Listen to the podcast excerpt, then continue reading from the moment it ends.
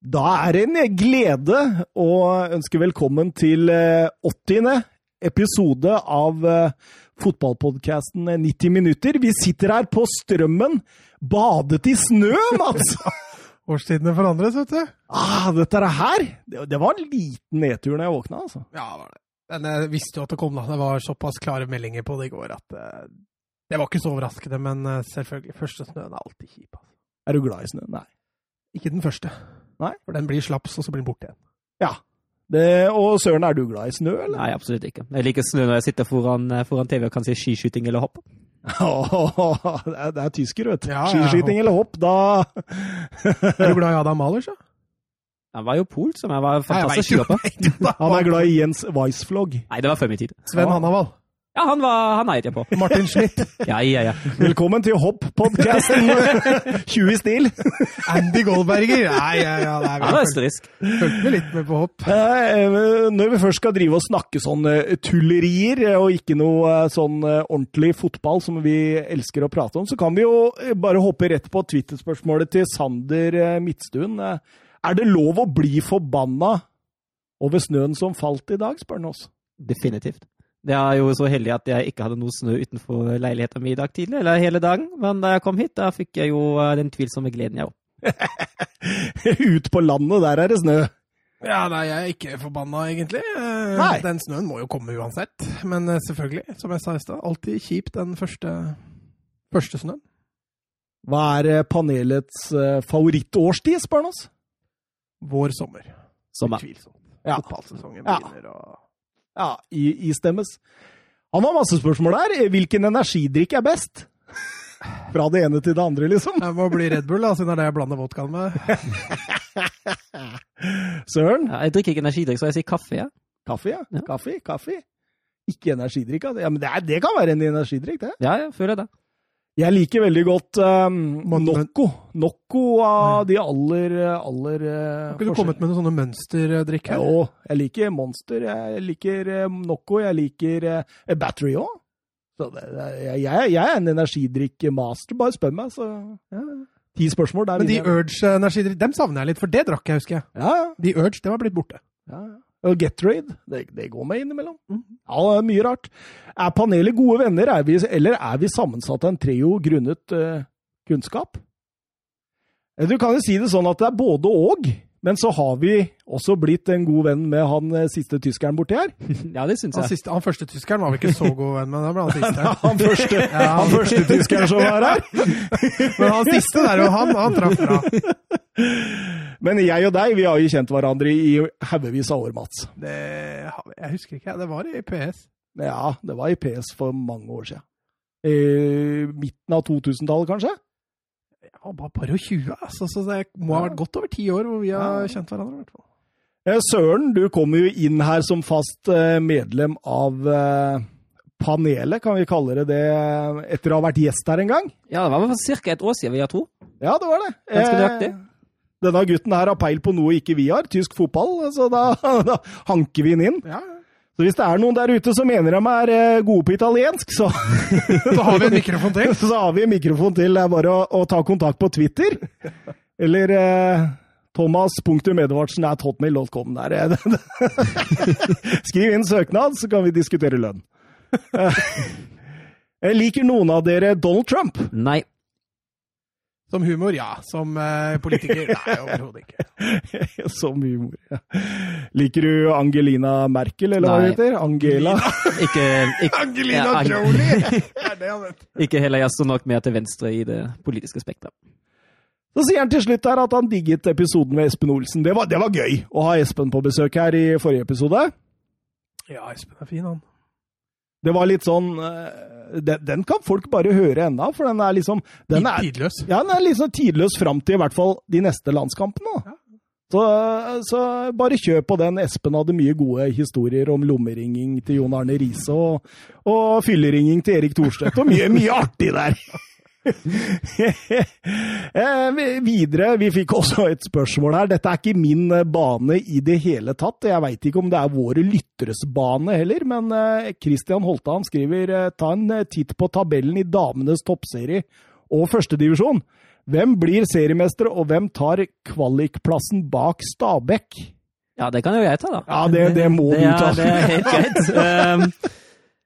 Nå er det jo slik i tabellen at det er Vålerenga uh, 32, RBK og Avaldsnes har 31 poeng. Og det er vel de tre det står mellom. Men hvor, er, hvor langt ned er det til Lillestrøm? uh, Fjerdeplass 28 poeng. Fire poeng bak Vålerenga.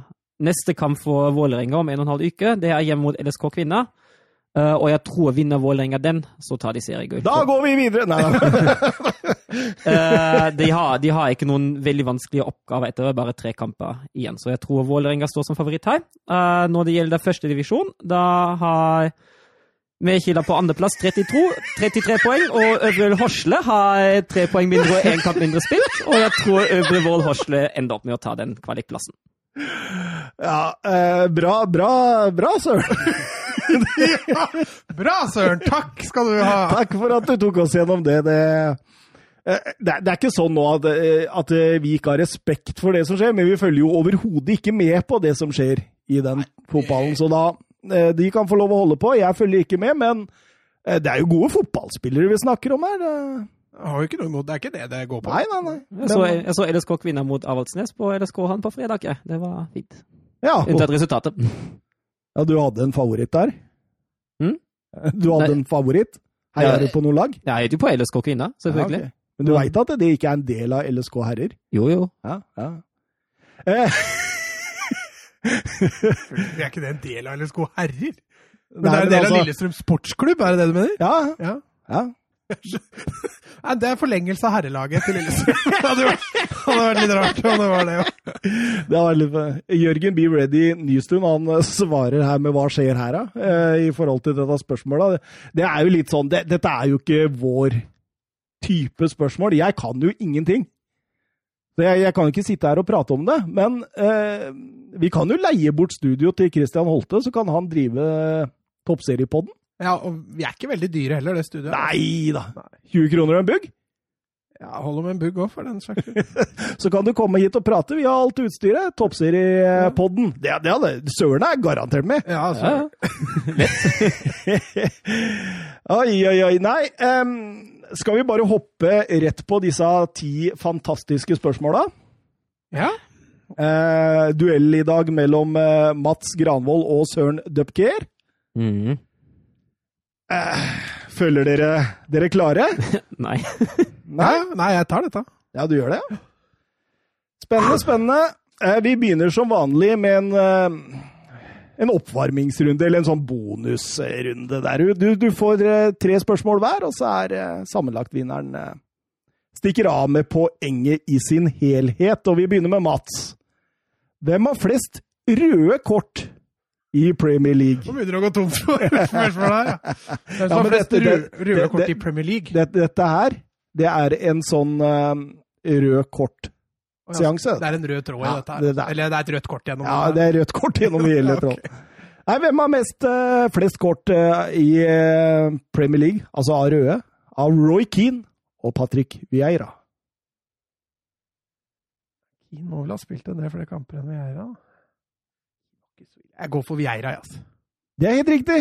Han fikk åtte, Keane fikk sju. Søren, hvem har flest røde kort i Premier League av Paul Scholes og Scott Parker? Åh, Scott Parker. Det er riktig. Parker har fem, Paul Scholes har fire. Mats, hvem har flest røde kort i La Liga? Aritz Adoris og Gerard Piquet? Adoris. Det er feil. Piquet har seks, Adoris har fem. Søren, hvem har flest kort i La Liga av David Via og Emrik Laporte? Oh. David Via. Det er feil. Laporte har fem, Via har fire. Da, Mats, eh, hvem eh, har flest røde kort i Bundesliga av Granit Xhaka og Mark van Bommel? Altså, nå har du lurt meg litt. For nå, altså, starten så var det hvem som var det minst opplagte, og så plutselig vrei du om der. Hvis jeg skulle tippa der nå, så ville det jo vært van Bommel, men han jeg må, Da må jeg gå for van Bommel. Altså. Det er feil. Det er Granit Sjaka med fire mot tre, og Søren, nå kan du sikre deg poenget. Hvem har flest røde kort i Bundesliga av Naldo og Dante? Naldo. Det er Dante, så da Da blei det 1-1 etter denne Ikke runden. 0-0, altså? Ja, vi sier 1-1, Ja, okay. for da høres Ja, det er- bedre ut enn Da er vi er. safe på Det er ingen som får smultring. Ja, helt er riktig. hyggelig. Helt riktig. Nå skal jeg fram til en spiller, og jeg leser bare litt sånn småhint underveis. Og dere kan eh, si fra når som helst når dere kommer på hvilken spiller vi skal fram til. I hans navn så ligger det en hyllest til både Paul McCartney og John Lennon. Hans foreldre var store Beatles-fan. I ungdomsårene stakk han av fra en trafikkulykke og fikk tilnavnet George Best Without Brains. Ungdomsårene ble preget av kriminalitet, dødsfall hos venner, nære relasjoner og et mildt sagt belastet miljø. Men Newcastle United gjorde alt de kunne for å temme han både på og utenfor banen. Han var i Newcastle fra han var 13 til 21 år. Debuterte for Newcastle i 85-86-sesongen, som erstatteren til Chris Waddle, som hadde blitt solgt til Tottenham. Fulgte i Chris Waddles fotspor Gascoigne. Oi, Mats, den er sterk! Paul Gassa Gascoigne. Han er nydelig. Jeg, um, flira litt, eh, for jeg kom over et sitat fra Terry Venables. Når eh, de måtte se, Tottenham måtte jo selge han til Lazio pga. dårlig økonomi. Og da sa han at eh, jeg er glad på Paul sine vegne, at han får sjansen i Italia. Men eh, for meg så blir det litt som å se min egen svigermor kjøre utfor et stup med min nye bil.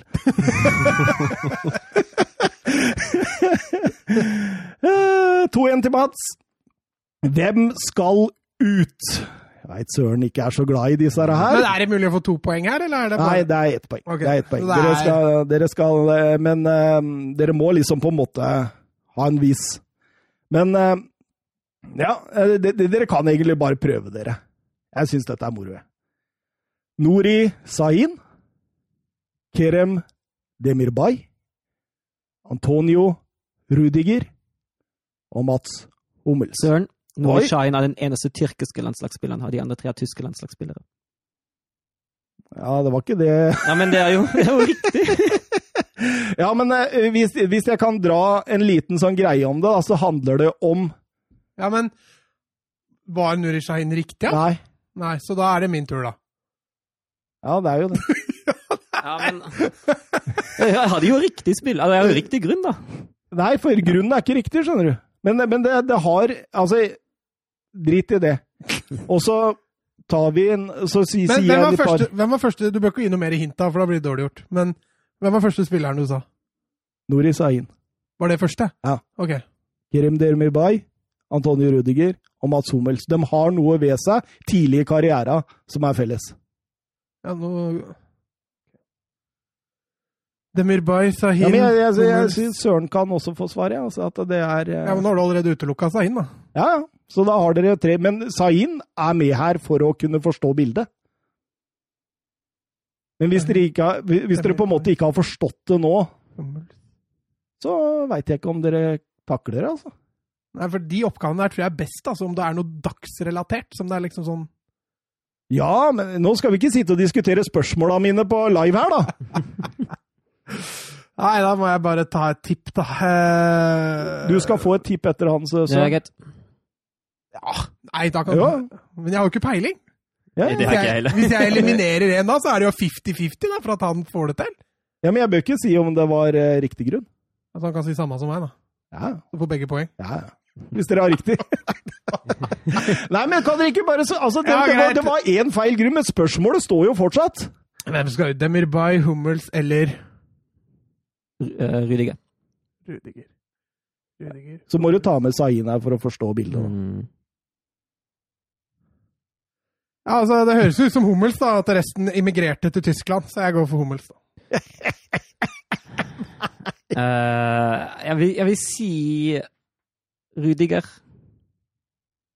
Ok, hvorfor? Fordi OK, Shahin har starta Kayan i Dortmund. Hummels lurer jeg på om har starta Kai... Han starta i Nei, Bayern München. Er Rudiger den eneste som kom fra en mindre klubb? Nei. Nei, jeg ikke. Nei, vi, vi gir null poeng i denne her. Det jeg skulle fram til, det var Mats Hummels. Faen han er en Hæ? Vi gir null poeng, og så tipper jeg riktig! Ja, fordi du tipper jo feil grunn. Du har jo ikke grunnen. Ja, men jeg spurte deg jo hvem før som har emigrert Jeg spurte deg før spørsmålet trenger, nei. Du, trenger du en grunn. Og du sa nei, du trenger bare tippe riktig. Å, sa jeg det? Søren. Ja, jeg tror du sa det. Ja, ok. Ja, da er det poeng, da. Men eh, Bayern München eh, Altså, det, det er at Bayern München-akademiet eh, kommer eh, Hummels fra, men resten kommer fra Dortmund-akademiet. Ja, ok. Mm. Greit. greit. Det var litt vanskelig, dette der. Og dere gjør det ikke lettere! Det var vår skyld! Ja, det er din skyld. Ok, min skyld. Eh, finn sammenhengen. Oi! Kom. Kommer, bare, kommer det bare en verre Okay. Nei, denne er jo enkel, da. Ok. Finn en logisk forklaring eller sammenheng mellom spillere jeg nevner nå. Wilfred Ndidi. Magnus Lekven. Nei, du kan stoppe. Jeg har ikke peiling. Ngolo Kanté. Sander Berge. Søren. Ja. Sentrale defensive midtbanespillere. Jon Obi Mikkel. ja, altså det, det, Det er jo det, det. Men det er en logisk sammenheng og forklaring mellom disse spillere her, da. I forhold til klubb. Klubbene de eh, har representert, og i, i forhold til det, med kjøp og salg. Altså, en Didi Ja, N'Golo Søren, bare kjør på. N'Golo Kanté, hvem var siste lekevenn og Berge og Mikkel. Mikkel. Mm. eh, Han har bare gått fra gått fra Eliteserien til Premier League, eller ja. Ikke Eliteserien, da. Nei. for Kanté var ikke Hvis Nei, jeg sant nevner dem, Dere kan bare rope navnet deres når dere vil. Jeg kan nevne dem i den rekkefølgen de skal stå. Da må dere kunne ta dem. Ok. Magnus Lekven. Sander Berge. Eh, Wilfred eh, N. Didi. Jon Ove Mikkel. Ngolo Kanté. Uh... Nei, det skjønner jeg. jeg- skjønner ikke. Nei, Lekven erstatta Berge i Enga. Berge erstatta Ndidi i Genk. Ndidi erstatta Kanté i Leicester. Ngolo Kanté erstatta Mikkel i Nå Chelsea. er det dype spørsmål her. Det her er ikke Ja, men jeg trodde dere var klare for sånt! Hjernen min var ikke skrudd på i det hele tatt for det der, altså. Oi, oi, oi. Du skal ha for at du prøver å være innovativ. Altså. Ja, men jeg, jeg, jeg prøver, da, fordi Ja. så har vi ikke de samme spørsmåla hver jækla gang, liksom. Det handler litt med det, om det òg. Men eh, denne er en gammel, kjent eh, slager, da. Hvilken spiller jeg nevner eh, klubbene hans i kronologisk rekkefølge? Boca Juniors, Real Madrid, Roma, på lån, Valencia, Vele Sarsfield, på lån, Boca Juniors, Vele Sarsfield. På lån? Nei. Søren. Ja, Rikelme. Nei. det er eh, feil. Ja, det var han, ja. Å, vent, da. Eh, Boca, Real Madrid, Roma. Valencia, Vele Sarsfield. Boca Juniors, Vélez Sarsfield. Ja. Nei, Jeg hadde noen flere hint her, men nå kan jeg jo ikke gi dem. hvorfor ikke? Nei, han har jo svart. Fader òg! Den bør jo være så lett. Ja, den er ganske grei. Argentiner som spilte i Real Madrid, og så i Roma, og så i Valencia. Først jeg tenkte på Gar- Garay, vet du, men han er jo ikke der nå. Vi må nesten ha et uh, svar. Den der bør jeg ta. Nå, Mats. Da eh, er tiden gått ut. Fernando Gago. ja. 61 landskamper for Argentina. Fortsatt aktiv i dag. Spiller i eh, Vélez Sarsfield. Er fortsatt tre igjen, eller? Eh, ja, fortsatt tre. Eh, spørsmål nummer seks, så det er fortsatt åpent. I hvilken klubb var Eden Hazards første klubb som profesjonell? Det må jo ha vært i Belgia.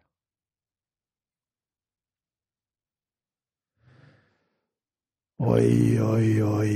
Eh, jeg husker ikke. Første profesjonelle kontrakt. Et, skal jeg ta et lite hint? Åssen land? ja. Frankrike. Søren, jeg prøver meg. Ja, Stad Renn. det er feil, Søren. Ja, det er den andre. Er det ja.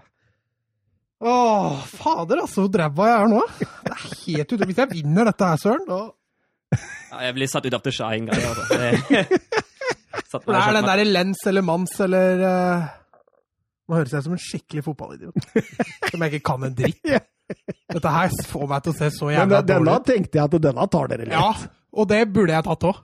Altså, jeg kan, når du sier det nå, så blir det bare jævla Ja. idiot, liksom. Det er, for det var jo ikke renn. Den var jeg altså på, men det er jo ikke renn. Det er jo lens. Hva, hva er hvor er Oshimen kom fra? Jeg sier ingenting, jeg. Jo, det er der hvor Oshimen spilte. Oshimen. Det er det! Jeg kom jo ikke på klubben! Det står helt stille. Må jeg ha et svar, Mats? Ja, lens, da. Det er feil. Jeg veit det er feil. Det er Lill. Fuck, altså! Helsike. Og så skal vi til hvilken spiller i eh, spørsmål nummer sju. Eh, en liten fortelling om denne spilleren. Og så skal dere, kan dere smelle til når dere vil. Denne spilleren er født i byen Gama tidlig på 80-tallet. Gama, G-A-M-A. Ja. Og i motsetning til mange av sine senere landslagskollegaer, var vår spiller født i ganske trygge omgivelser. Moren hans, Simone, var lærer, og faren Bosco var sivilingeniør. Familien flytta til Sao Paulo når Mats? vår spiller var Ja. Kaka. Oi, oi, oi! Ja, sterkt. Den, Mats! Der tar du igjen litt. Jeg venta. Jeg, jeg tenkte når du sa Gama og rike foreldre, da Ja. tenkte jeg det må jo være kaka. Ja, nei, den var, den var imponerende. Veldig, veldig bra, Mats. Eh, 4-1. Eh, Søren, du kan ta den igjen. Ok. Ok. Ta en sånn eh, Hvem skal ut igjen? Hvilken superstjerne snakker jeg om her? Og dette er en liten historie, eh, fortalt av Alex McLeish. Og dere skal finne ut hvem Alex snakker om. McLeish, er det han treneren, gamle treneren. Everton og sånn? De var var Everton Rangers og litt sånn forskjellig. Ja, Rangers. Ja, Skottland nå. um, han har fortalt media eh, i løpet av de siste par åra om at han eh, prøvde å signere en spiller han eh, kun hadde sett gjennom Championship Manager, som han spilte mye sammen med sin sønn da han var Rangers-trener i 2002. Eh, han forsøkte å hente den for, eh, som erstatter for Barry Ferguson, som hadde gått til eh, Blackburn. De gjorde et seriøst forespørsel, men fikk glem det til svar. Men grunnet denne forespørselen, så fikk de en seinere sjanse til å hente Andres Iniesta. Hvilken superstjerne to be blei Alex McLeish og sønnen så imponert over i Championship Manager at de spurte selveste Barcelona om han var ledig? I 2002. Søren Xavi. Det er feil, søren. Jeg var jo på Cherno Samba, jeg, men eh, da er jo det helt feil. Eh, en superstjerne to be i 2002 i Barcelona han, sa du, nei, nei, du sa han ikke var født på åtte? Nei, det var Kaka. Nei, det var det. Ja, Nå skjønner du hvor huet mitt er i dag. Barcelona, midtbane, ikke Xavi. Har du flere hint, eller? Eh, Skal han få hint jeg har ikke sagt at han er midtbane.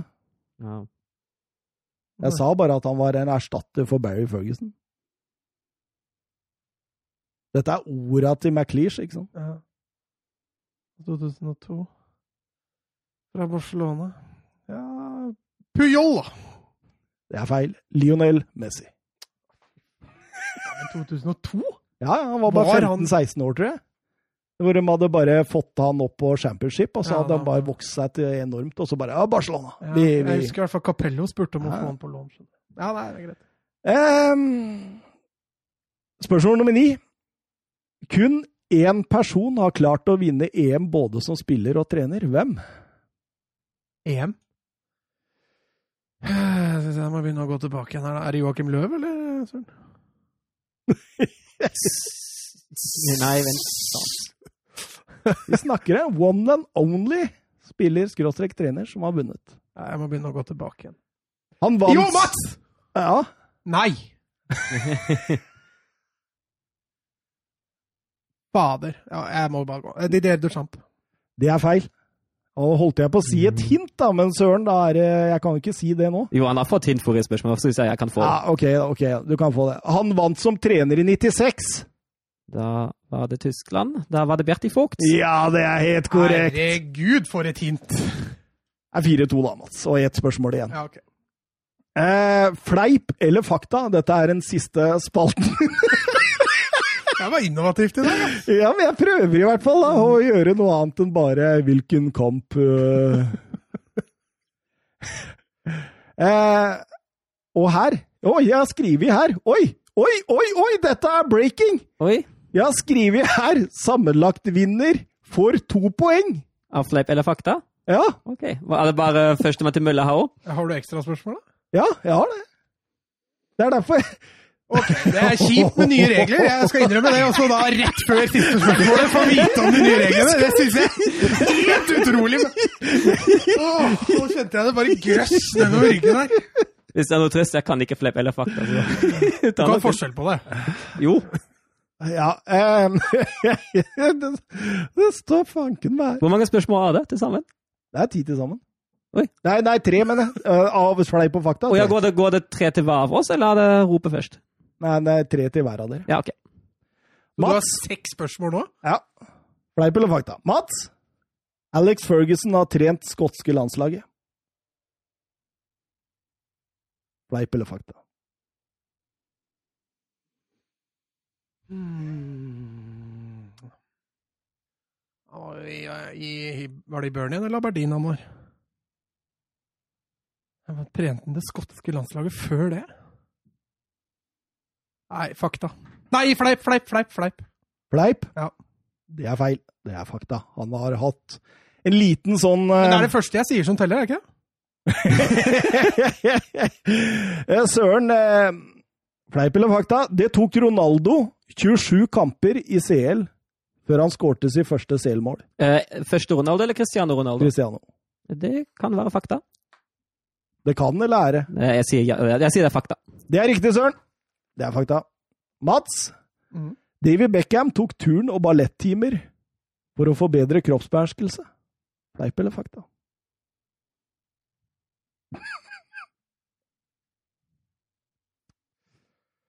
Ja, det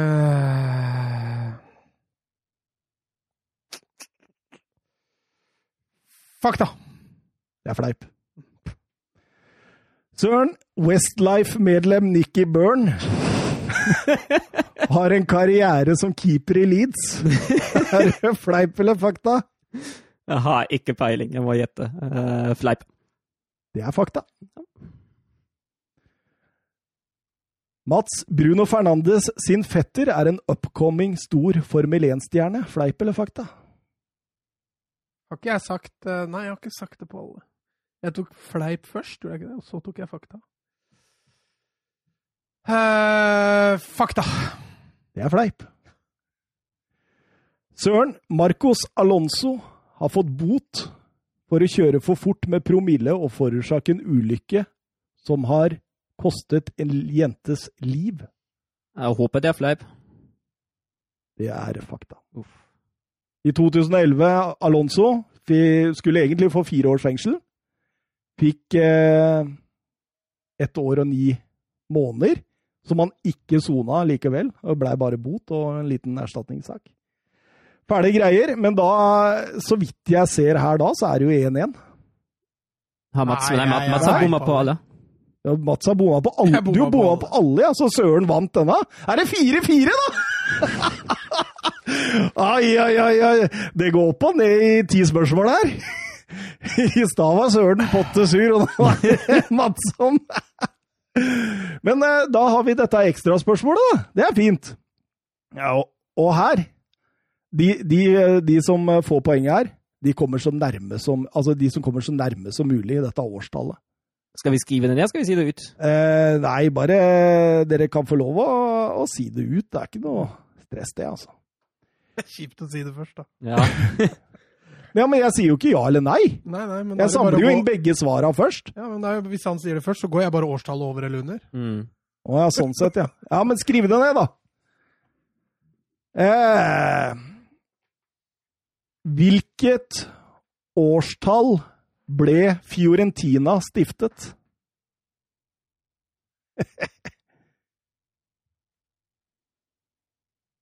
Skal vi se her, nå eh, noteres det over en lav sko.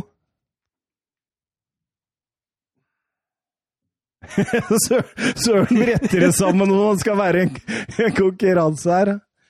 1925 på Mats. 1904 på Søren. Det er 1926. Oi, oi, sterkt, Mats. da. Bomma med ett år. Ett år. Så da gratulerer vi Mats Ja, det var fortjent, ass! Fy faen! Hadde jeg tatt den der, da hadde jeg saksøkt deg! Hadde... Du, jeg har fortsatt Gert Müller, Thomas Müller eh, på Ja, men jeg samvittigheten forandra ikke reglene rett før siste spørsmål. Altså, det har jeg aldri gjort. Ja, men det har har jo ikke kost... Her! Ja, det var bare greit. Takk. takk. Det er eh, premien. Det er den fineste premien så langt. Ja, det er det. ass. Nydelig strikka lua av min mor. Ja, det var fint. Hun er verdensmester i strikking, Søren. Ja, det. Ja, ja, hun er helt rå. Så den er din til odel og eie. Suverent. Vi kjører i gang, vi.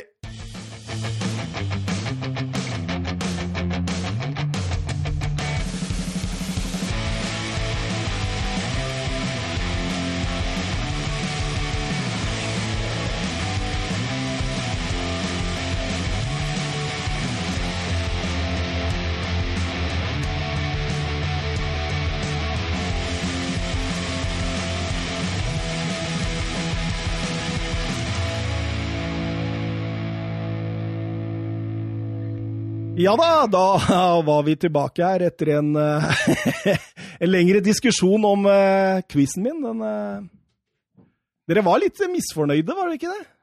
Altså, jeg sitter her med lua, jeg, da, så, så misfornøyd kan jeg ikke være. Men jeg, jeg forstår litt frustrasjonen til Søren, og det var nesten litt for innovativt. Og du var litt uh... Det er klart, hodet mitt var ikke veldig på i dag, men eh, Nei, men du vant fortjent, så det er ikke noe å si på.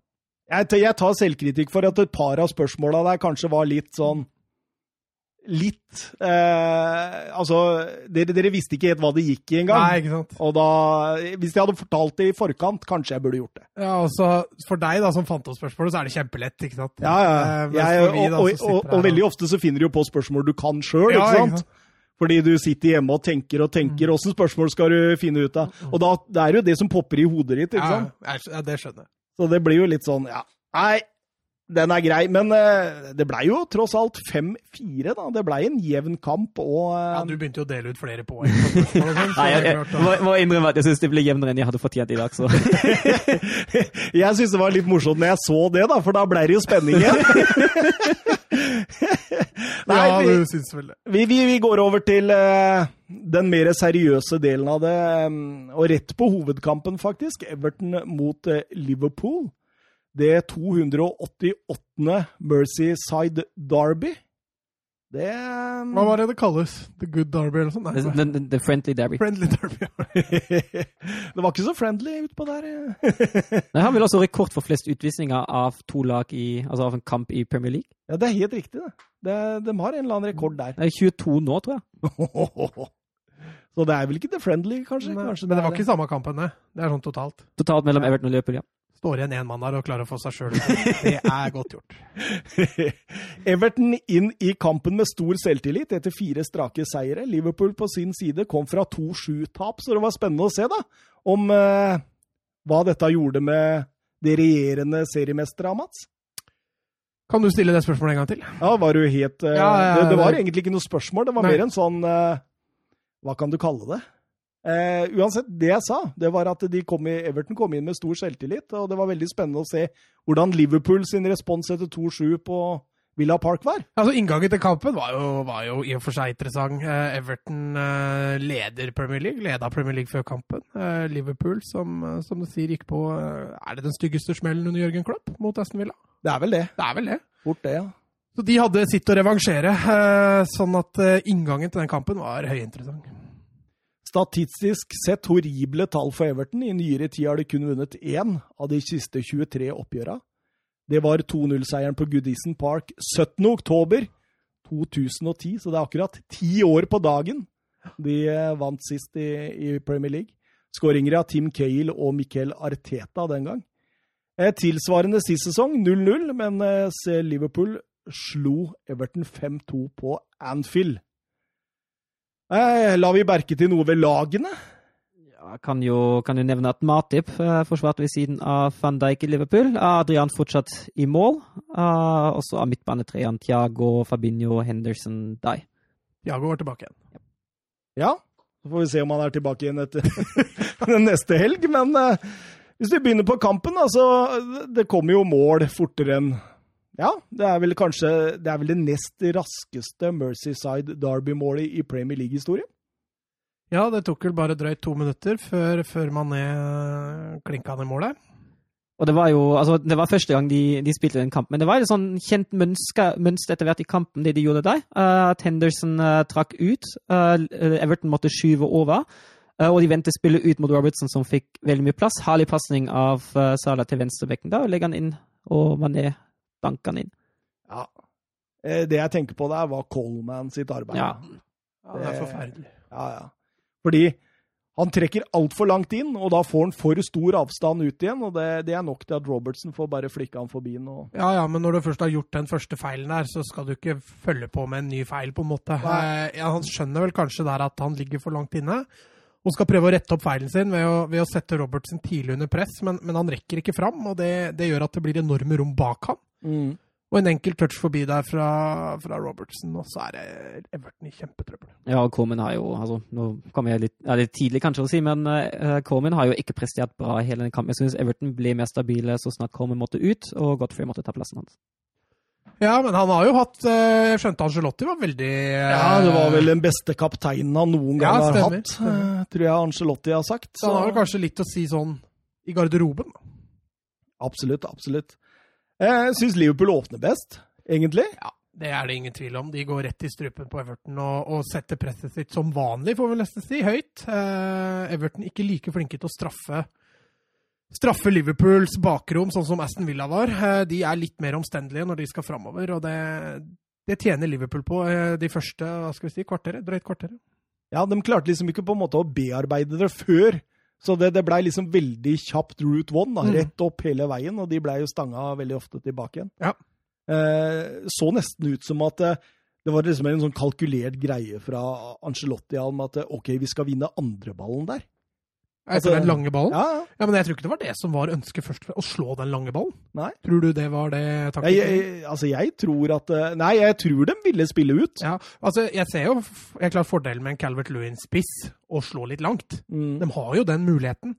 Uh, men jeg tror ikke det er plan A for Everton. Nei, nei. det tror jeg ikke det var i den kampen her. Nei, nei, jeg, jeg, tror helt klart det ser sånn ut at de prøver å spille ut, men at det, Altså, det, det, det, blir nesten en sånn skrekkopplevelse at de føler at de, de, klarer det ikke. Og da blir det heller eh, veldig mye lemping. Det Ja, og må jo sies at Kavit Luen Lewin bare klarte å vinne tre av hodeduellene i den kampen òg, så det ja. At han totalt i hele kampen vant tre? Mm. Han vant jo den viktigste, da. Ja, det gjorde han. Men uh, så skjer det jo noe som har fått hele fotball-Europa i, i, en fotballdiskusjon der. Det er ja, det er vel én gruppe først og fremst som føler seg litt urettferdig behandla. det er det, ja? Men det er, eh, det er en fryktelig stygg takling. Eh, men jeg har ikke noe tro på at det er noe overlegg Altså intensjon om å skade der. Og det diskusjonen kanskje går på mest der, er jo om Pickford skal ha rødt kort på tross av at det er offside. Men det skal han jo. Ja, jeg, jeg syns det. Jeg syns han skal bli Altså, det, det er såpass grovt at altså, det, VAR har jo mulighet. Uh, nå leste jeg i dag uh, en liten overskrift om at VAR ikke visste at han hadde mulighet å gå inn der. Jeg veit ikke hvor sant det er. Det er kjedelig når dommere ikke kan reglene. Ja, uh, men jeg, jeg, er enig, altså, jeg, er enig, med du, du sier, Mats. Det er ikke noe overlekt. Det er kjempeklønete, først og fremst, av Pickford. jeg tror han prøver å gå etter banen uh, ca. fem minutter for seint. og da får van Dijk takling. Men, men tror, tror dere han Altså, Tror du ikke bare han feilberegner det litt? Pickford? Ja. Jo. jo, det må han jo gjøre. Ja, men at, at, at, at, jeg tror han på en måte går inn i en blokkering, og så kommer han for fort ut på han. Og så, og så tar han eh, når beina står ned der, eh, van Dijk. Og det. Altså, det er jo en karrieretruende takling, og et rødt kort der ville jo antakeligvis gitt mer enn de to obligatoriske kampene også. Eh, de har også ikke valgt å straffe i ettertid heller, så det er klart han slipper veldig billig unna her, eh, Pickford. Eh, van Dijk på sin side er jo maks uheldig, hvis vi kan si det sånn. Og er åtte til ni måneder nå ja. på sidelinja. Det er vel uh, Det er fryktelig triste nyheter for, for Liverpool og, og, van Dijk, selvfølgelig. Vi, Jonathan Hobber på Twitter han sier den taklingen på van Dijk nesten ingen reagerte med en gang, men ettersom rapportene kom om skade, alvorlig skade og ut sesongen, så blei det eventuelle røde kortet bare rødere og rødere og rødere. Var det virkelig så blodrødt, spør han. Ja, det kortet der er blodrødt. Um, men uh, det kanskje med reaksjonene Altså ja, reaksjoner kommer jo mye sterkere når konsekvensene blir så store. Ja, det så du jo på Son Anger Ange Gomez. Uh, ja. Gomez-situasjonen. Ja, altså når konsekvensen av den taklingen blir så stor, da. Og det er jo selvfølgelig først og fremst Liverpool-supportere som er ute og rasler med sablene her. Og, og, forståelig at de er frustrert over det. At ikke det blir noe form for rettferdighet der, da, i, i form av at Pickford skulle vært, vært utvist. Uh, men, men, den taklinga der, den, den, hører ikke hjemme noe sted. Men som jeg sa i stad, jeg tror ikke han gjør noe som helst med vilje. altså. Jeg var jo, var jo så heldig å se, en, se kampen på pub uh, med en del Liverpool-supportere til stede. Og de som satt ved siden av meg, de var veldig klare med en gang at det skulle vært rødt så snart taklinga kom. Ja, det Men at, at Liverpool-fansen Ja, ja, det er jo men er habile, Var ikke habile? Nei, de var nok ikke det. De nok ikke men, det. Eh, men jeg må jo si meg enig, selvfølgelig. Men uh, Nisselue på her, han eh, spør oss på Twitter om vi kan kommentere et utsagn. Og dette, dette er jo ikke bare et utsagn fra uh, dette, dette, har jeg skjønt har kommet fra øvre hold i Liverpool òg, at de vurderer saksmål, eller søksmål mot FA. De har bedt om en forklaring uh, for uh, hva, hva jeg har gjort i den kampen der. Det tror jeg de har gjort. Ja, og Det er jo for så vidt greit, men, uh, men i denne tråden han, han, han sikter på, da, så er, det, så er det jo en da som har lyst til å rette søksmål mot både Everton og Pickford, og syns det er uh, innafor. Ja, nei, Pickford syns jeg vi skal la være. Uh, er ikke han straffa nok? Han syns jo ikke dette er gøy sjøl? Nei, det tror jeg ikke. Uh, jeg tror ikke, som jeg har sagt nå flere ganger, han gjør jo ikke dette med vilje. Uh, og han er nok sikkert like lei seg som, som mange andre. Men uh, når det gjelder det med en hendelse fra FA, og, og, ikke minst hva som blir rapportert fra VAR der, så hadde jeg også syntes det hadde vært kjempeinteressant å få høre. Mm. Hva er vurderinga der, eller vurderer de det i det hele tatt? Er Vurderte de offsiden og glemte taklinga? Ja, altså Vi kommer jo til en annen kamp nå, da. Der også har de oversett en hens. ikke sant? Det er liksom der VAR ikke følger med. Det har vi nevnt før. at Hva gjør VAR? Sitter de på, på, på ja, lik linje på oss og spiser ja, popkorn og drikker pils? Der kan de jo ikke skylde på noe, for de dømmer jo offsiden to sekunder før taklinga. altså, altså, vil jeg jo si at altså, som, som Mats sier, den taklingen hører ikke hjemme noen steder. Men det er jo ikke sånn at han slår ham ned uh, når ballen ikke er i spill. Han prøver på en eller annen måte å gå etter ballen. Jeg tror han blokkerer. Ja, ja altså, han, han prøver, altså, Det er jo ikke sånn at det er avsides spill, og han prøver å, å, ta et drapsforsøk på det, van Dijk eller noe sånt. Eh, det er fryktelig stygt, og det blir fryktelig fryktelig synd for van Dijk. Men uh, igjen, som altså, Mats sier, det gjør han ikke med vilje. Det eneste rette Jordan Pickford kan gjøre der, det er å komme raskt oppi van Dijk. Mm, og hvis du da, ja, ikke sant? Og hvis du da på en måte feilberegner, feilberegner det, så kan det skje sånt. Mm. Og det, jeg syns det er liksom Det er jo tatt over Altså, det, det sånne, sånn skjer på fotballbane! Det, altså, man må ikke føle seg så ekstremt sårare. sånn Nei, men det er jo konsekvensene her som ødelegger. Hadde van Dijk vært hjem tilbake klar igjen til neste kamp, så hadde ikke dette blitt en veldig stor sak. Nei, det er så det er konsekvensene her som er uh... Fordi taklingen til Rikarlison, vi skal snakke om den seinere, ja. er jo kanskje like ille. Ja, men den har jo ikke blitt snakka noen ting om. Nei, for der er ikke konsekvensene like store. Ikke sant? Um, Får også en fra Jørgen B. Ready, der han, eh, han sendte et bilde med utsagnet av van Dijk sjøl, hvor han eh, Husker du taklingen på Dries Mertens? Ja, den i leggen her, ja. Hvor han rett og slett deler Mertens sitt bein i to. Mm. og der sier eh, van Dijk sjøl at uh, jeg syns ikke det var en, uh, en bad challenge uh, i det hele tatt. Jeg, jeg, dessverre kom jeg borti den. men jeg ville aldri skada han med vilje eller noe sånt noe på den måten der. Ja, dessverre kommer jeg borti den. Det høres jo drastisk Eller litt under uh, Men uh, det er litt sånn som jeg sier nå om Pickford òg. Dessverre kommer jeg borti den. Han var Sånt skjer. Sånt skjer, og da fortsatte det med 11 mot 11. Gomez måtte inn for van Dijk, som selvfølgelig ikke kunne fortsette kampen med korsbåndskade, var det ikke det? Jo, Røyk det bakre korsbåndet, ikke det? Eh, men eh, nei, det forandrer jo karakterer en del. Liverpool blir litt uh, sjokka. Mm. Men samtidig så syns jeg utover i kampen at Liverpool, sli- nei, Everton sliter veldig defensivt. altså Spesielt på, eh, på sin eh, egen høyre, høyre side. Ja. Balltempoet til Liverpool er så raskt at de klarer ikke helt å For det går jo ut i 190, dette her. Ja, og så syns jeg Liverpool er, er relativt flinke utover i kampen da, til å variere det offensive. Både det å gå hurtig i angrep og det å, det å være litt mer omstendelige. Everton sliter litt med balansen, spesielt på høyresiden, så blir det litt store avstander. Eh, Søren nevner jo at Godfrey fungerer bedre, og det er jeg for så vidt enig i, han ligger litt trangere. Det gjør at Liverpool kan angripe bredere, men det er allikevel kortere avstander. Mm, mm. Men etter 18 minutter, Søren, da er det mål. Da er det 1-1. Ja, da er det i den andre enden. Det er jo først, uh, først et skudd som Adrian redda til kona uh, på, fra skrått hold. Så kommer selve corneren, uh, slått fra James inn, og Keane stiger til værs. Uh, Fabinho taper duellen der, og man kan også sette spørsmålstegn ved keeperspill til Adrian. Jeg er enig i det, ass. Det, Altså, han reagerer kjappere enn en snegle der. Det, det går ikke fort. Ja. Jeg ser på det som nok en keepertab av Adrian. Og, et, og, og noe som det er jo forskjell på svak keeperspill og Ja, men det der, er der altså, Altså, Han trenger bare å løfte hånda Ja, han prøver jo, da. Ja, men det går jo så seint. Ja ja, men det kan jo ikke han noe for. Altså, når Jo, du setter bestemora di i mål, så kan du ikke forvente at du skal ligge i hjørnet og ta de skudda. Så en keepertabbe av bestemor, det er mindre keepertabbe enn eh, hvis Joris hadde gjort det. Ja, men, ja, men, hør, hør, ja, men hør forskjellen Ja, på en keepertabbe og et svakt keeperspill. Altså, Men Adrian er er, ikke bedre! Nei, OK, så det, det der er Det er nivået hans! Det er bekymringsfullt for Liverpool hvis Ja, det har det jo vært hele tida! Allison er ute i 68 uker til. Og han kan jo ikke bedre, mener jeg. Altså, En tabbe, da skal du nesten kaste ballen i eget mål. Men jeg trodde Adrian var ganske bra på reaksjon, jeg. ja, Syns du det fortsatt? Nei, det ser jo ikke sånn ut der, da.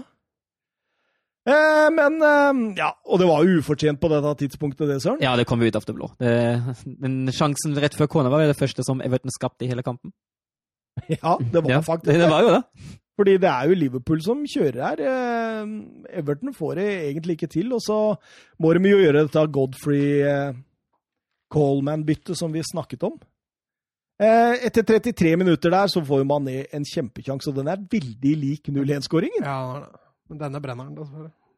Ja, og, og der er det Godfrey igjen som eh, selger seg på litt av samme måten som uh, Coleman. Og dette var jo et mønster som du snakka om, Søren. Ja, det var jo altså Liverpool var veldig gode til å vende spillet, og særlig fra høyre til venstre. og Det, det var jo den skyvinga til Everton som ikke stemte i det hele tatt. Så snart Henderson prøvde å doble ut på venstre med Alexander Arnold, da gikk det feil.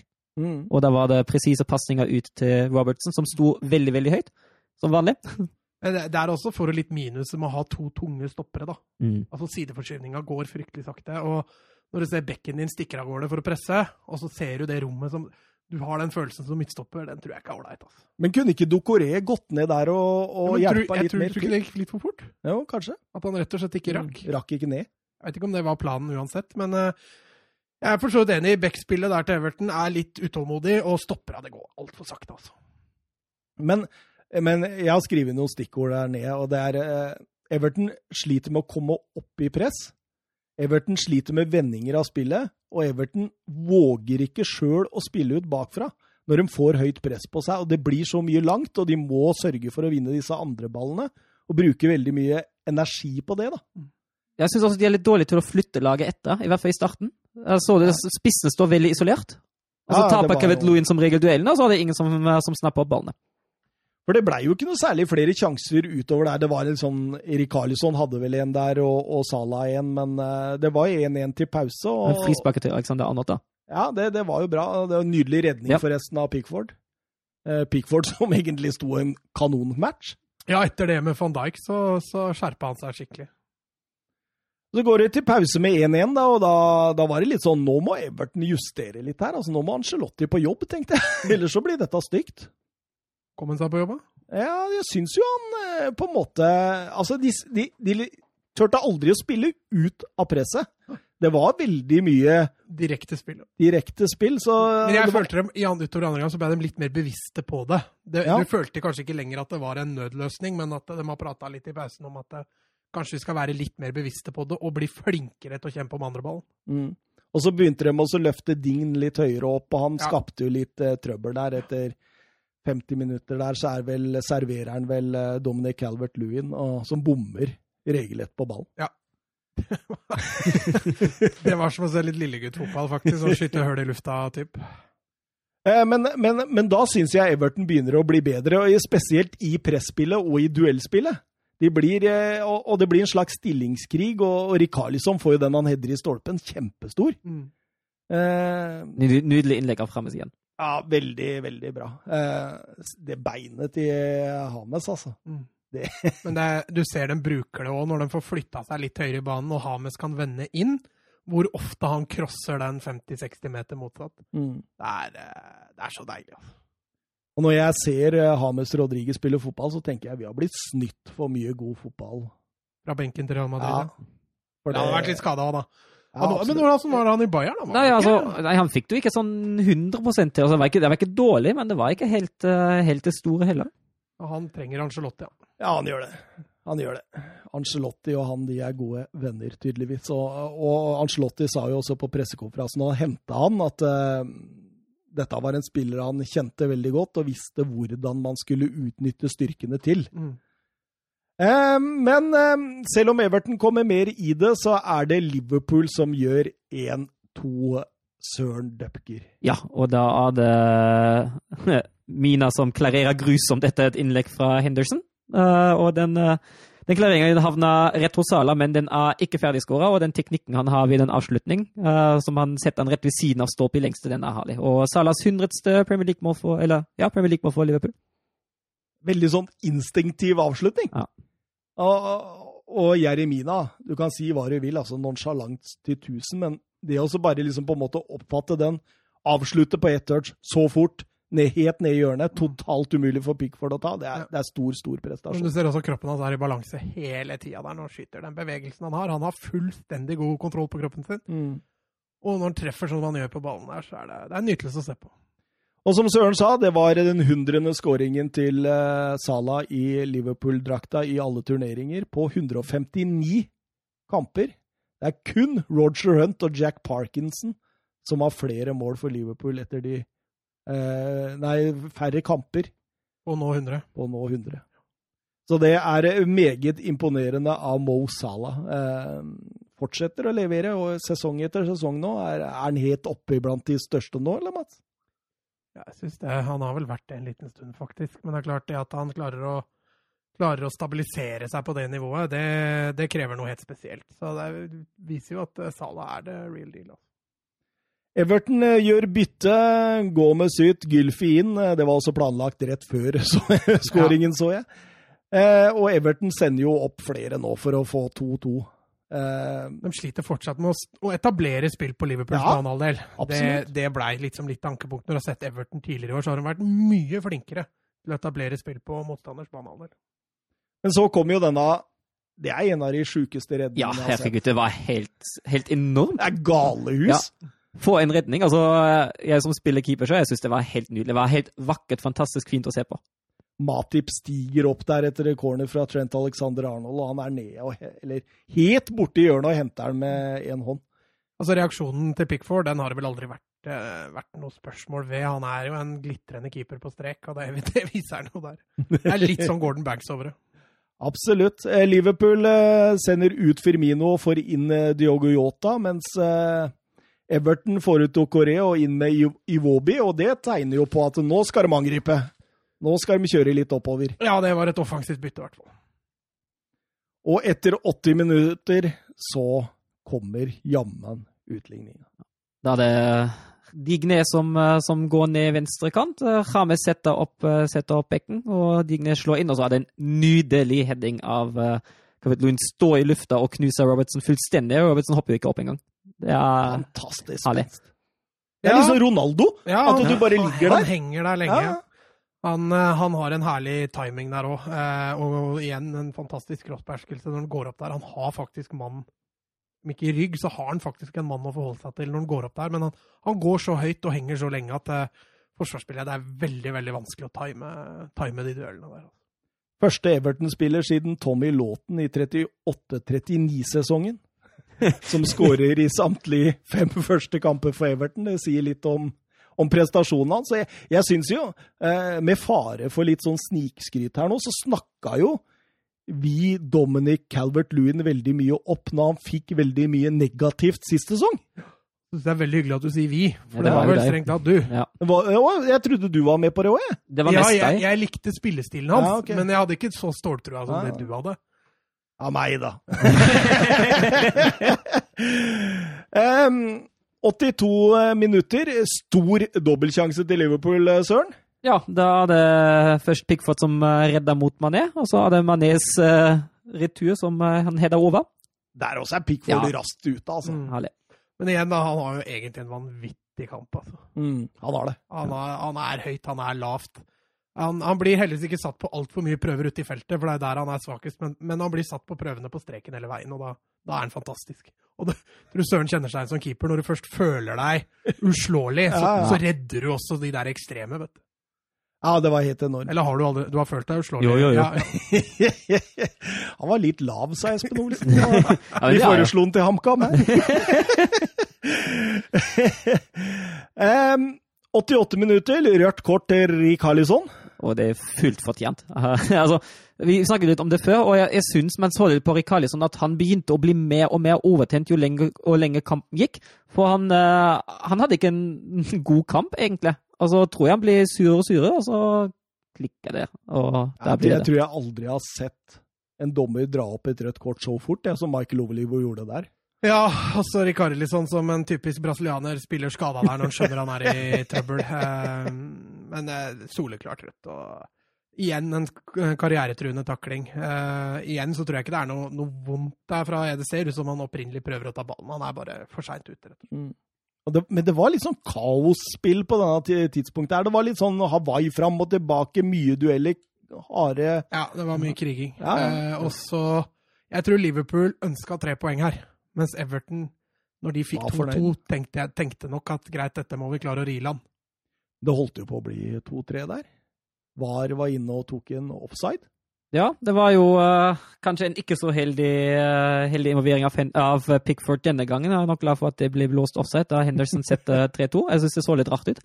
Det så litt rar ut. Ja. Han gjorde det. Han skrur liksom Ja. via han og tilbake igjen. Ja, det er vanskelig, vanskelig skru på ballen, det må sies, men altså, jeg føler han kan gjøre det bedre. Havner i hvert fall i mål, og så er det hva som går inn, og Mané står i offside i, i, i det målet oppstår. Eh, og det er jo den nye regelen med Altså, offside er jo kroppsdeler eh, som du kan score med, og det er jo nå den eh, ermelinja som går. Og da denne ermelinja er i offside, den som ikke er hands lenger.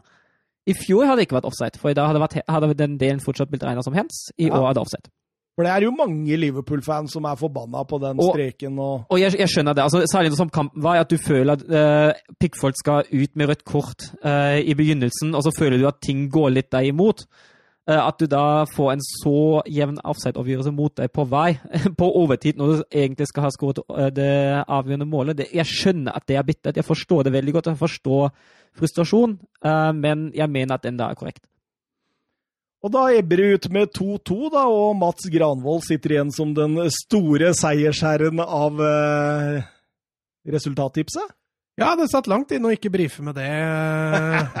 Jørgen gjorde det for deg, Ja, sa ja han, heldigvis så var det en som påpeka det, så jeg slapp å begynne med det. Men eh, jeg må jo si at når den ble annullert for offside, så smilte jeg litt. Jeg tenkte at det var, det var deilig. Ja, for det er forskjellen på to poeng til deg og ett på meg og Søren. Ja, det var det. Så sånn egoistisk tenkt, så, så var det litt greit. Det var deilig å gå opp i, i ledelsen. Ja, en soleklar eh, ledelse òg, faktisk. Hvor mange poeng har du, Søren? Null. Vi, vi drev og fleipa litt med det der at du ikke har treffet på et det er. tippetegn engang ennå. Det er helt sykt. Da er det bare tre kamper, da. Ja da, det er det. det, Over er en hel sesong så skal du vel greie å få et poeng. Ja, jeg får håpe det. Jørgen B. Ready Nystuen spør på Twitter havna i store diskusjoner med Liverpool-supportere på Twitter. De påstår de blir så mye verre behandla av VAR og dommere, og hatt minst like mye skader som eh, City og Spurs har hatt de siste årene. Kan dere gi oss deres tanker? Altså at Liverpool altså Å kalle det heldig avgjørelse med VAR, det føler jeg er å, er å strekke det litt. Men, men at Liverpool har vært heldigere med skader på viktige spillere, Ja. der føler jeg at de er innafor, eller den er innafor. For ja, Salah har vært ute med noe småtteri her og der, Mané har vært ute litt, Firmino har vært ute litt. Van Dijk har stort sett alltid vært frisk. Henderson har vært litt ute, men De har stort sett hatt de beste spillerne på laget i de viktige, avgjørende kampene hele veien. og det, det er en stor forskjell på City, eh, Tottenham eh, Ja, eh, i hvert fall de nærmeste utfordrerne. Eh, men når det gjelder det med VAR, altså Går det an å være heldig med VAR? da? Du har jo noen avgjørelser som Altså, offside er jo offside. Ja, ja. Og nå er den hens-regelen er jo Men det er jo sånne ting som at de ikke har sett noen enkelte ting innimellom. Ja eller for eksempel, altså Everton var jo heldig med VAR når Pickford ikke fikk det røde. Ikke sant? Så det er, det er jo litt sånne ting, da. Ja. Ja, Jeg, skjønner, jeg skjønner mener du. Liverpool har vært heldigere enn alle andre? Men, men jeg, jeg, jeg har også lest litt på Twitter. da, Jeg har sett Liverpool-supportere dra opp ja, vi har jo skader på Oxland, Chamberlain og Shakiri og sånt. og det, det, det blir så feil for meg, da, for det er som du sier, det er nøkkelspillere det går på. da, og Nøkkelspillere, der har Liverpool vært heldig med skader. Ja, det kan jo være Bør ikke ordlegge det heldig heller. Altså, Liverpool har vært flinke da, med å Ja. holde spillerne sine Ja, skadefrie, hvis du du kan si. legge det på den, si det på den måten. Eh, når det gjelder det med VAR, så ønsker ikke jeg å holde det imot Liverpool. For det, hvis de har vært heldige med noen avgjørelser, så kommer de til å være uheldige. Det der eh, har jeg trua på at jevner seg ut. Sandra spør på Twitter er Everton en seriøs utfordrer til topp fire. Akkurat nå, ja. Syns du det? Akkurat nå, ja. Ja, men syns du at det sånn Nei, altså, hvis, hvis jeg, jeg, jeg vingler ikke, så jeg holder Everton foreløpig utafor. Ja. Kanskje sjette, hvis de er Kanskje blir årets årets Leicester. Du, Søren? Nei, jeg tror Altså, de spiller jo god fotball nå, som Mats sier, men jeg tror ikke de havner i topp fire når sesongen er over. Det tror ikke jeg heller. Eh, banens beste? Mats? Ja, jeg kan, eh, jeg kan godt begynne, jeg. Eh, Det var ikke så lett den, eh, den runden her, men eh, jeg lander på, på eh, din favorittspiller, Jordan Henderson. Mm. Jeg syns han drar opp dette Liverpool-laget. Altså, han er ikke en han er ikke en kreativ sjel, han er ikke en sånn som slår drømmepasningen, men, men han varer virkelig trøkk og innsats over i det Liverpool-laget der. Og han står liksom litt fram når Liverpool trenger han, eh, trenger han, som, eh, trenger han som mest. Uh, og så vingla jeg litt tilbake. Jeg ønska egentlig å ha inn en Everton-spiller, men jeg sleit litt. Uh, jeg valgte med Hames på ett poeng. Ja. Hoppa jeg over to poeng, Ja, merka du det? Ja, ja. Og så lander jeg på, på Sala på to poeng. ja. Søren? Ja, det var Jeg er enig med Mats at det ikke var, at det ikke var superlett, men jeg gir mine tre til Sala.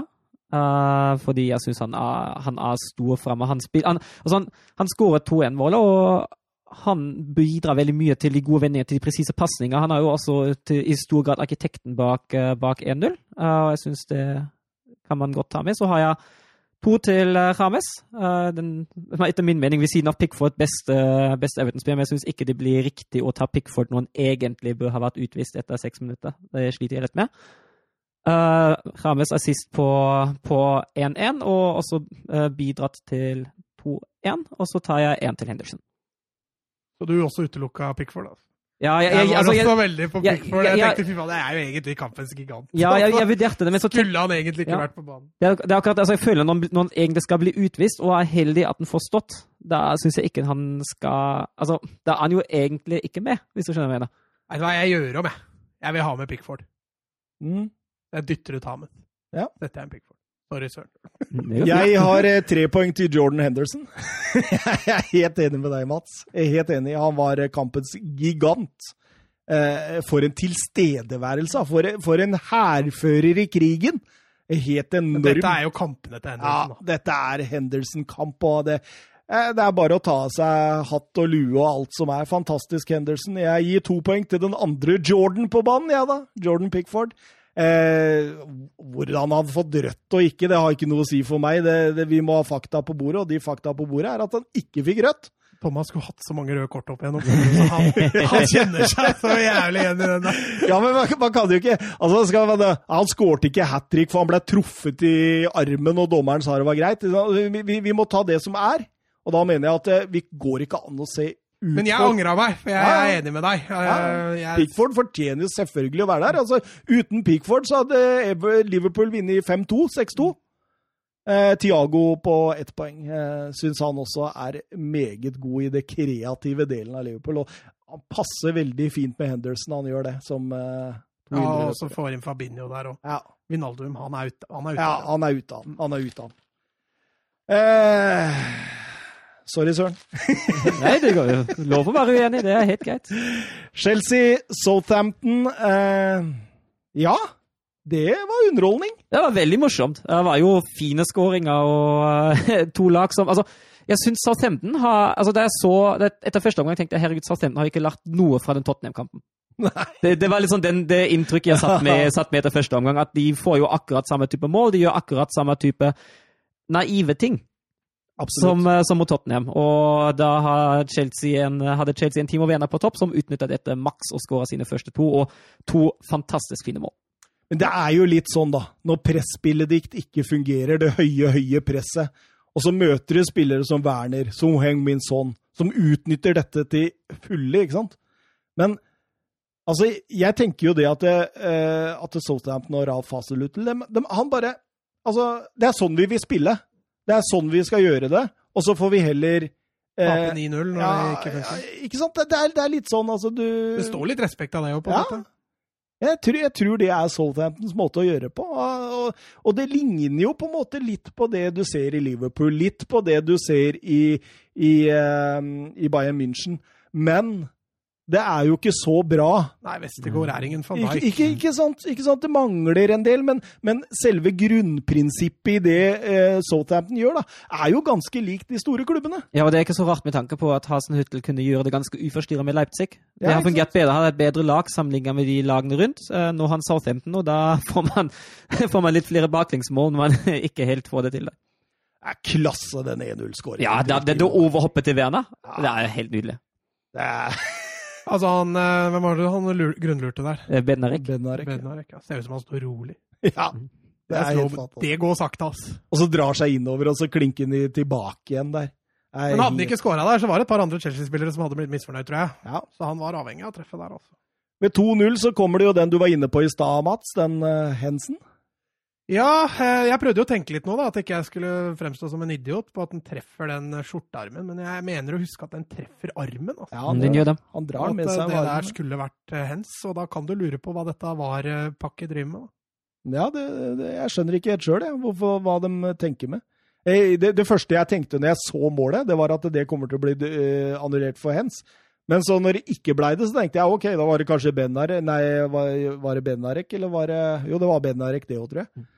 Mm som, som var borti den der, da. Men eh, nei da, det var Timo Werner og Ja, ja, ja. Men eh, Danny Ings han skårer jo som vanlig, så da ble det jo 2-1 til pause.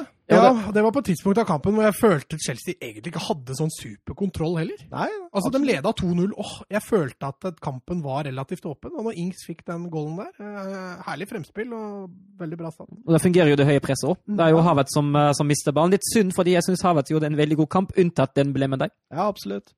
Og, og i annen omgang så sliter de jo om mulig enda mer, for Southampton presser dem jo fullstendig. Ja, de er jo avhengig av å involvere Kepa. Det er klart det det straffer seg jo før eller siden.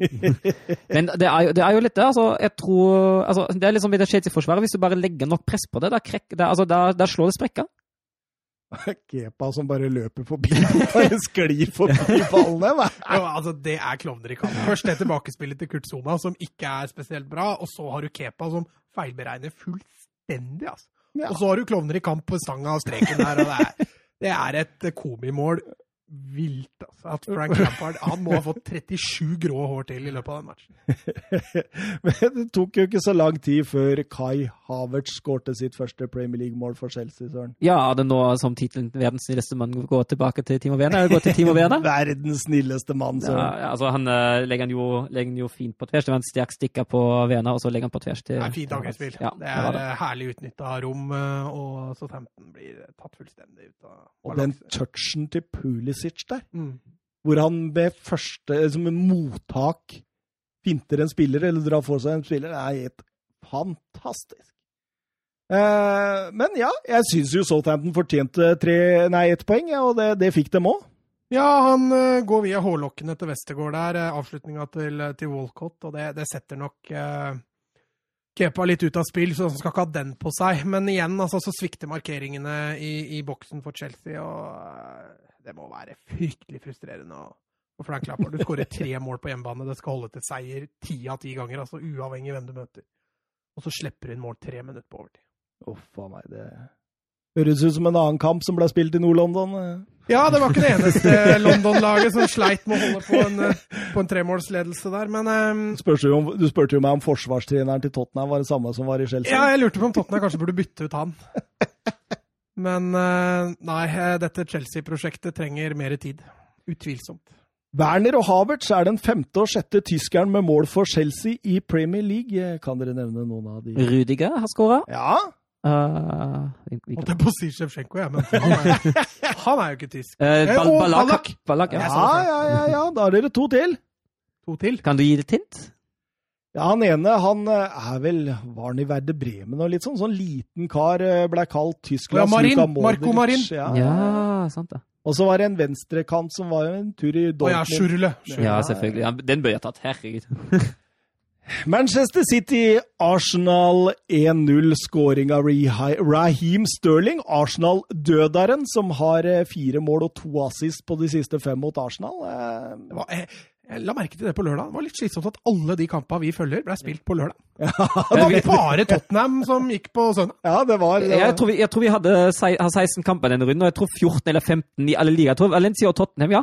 Det var de eneste som gikk på søndag. 14 det var litt slitsomt Det for var, oss, det ja. var en heavy lørdag. Ja.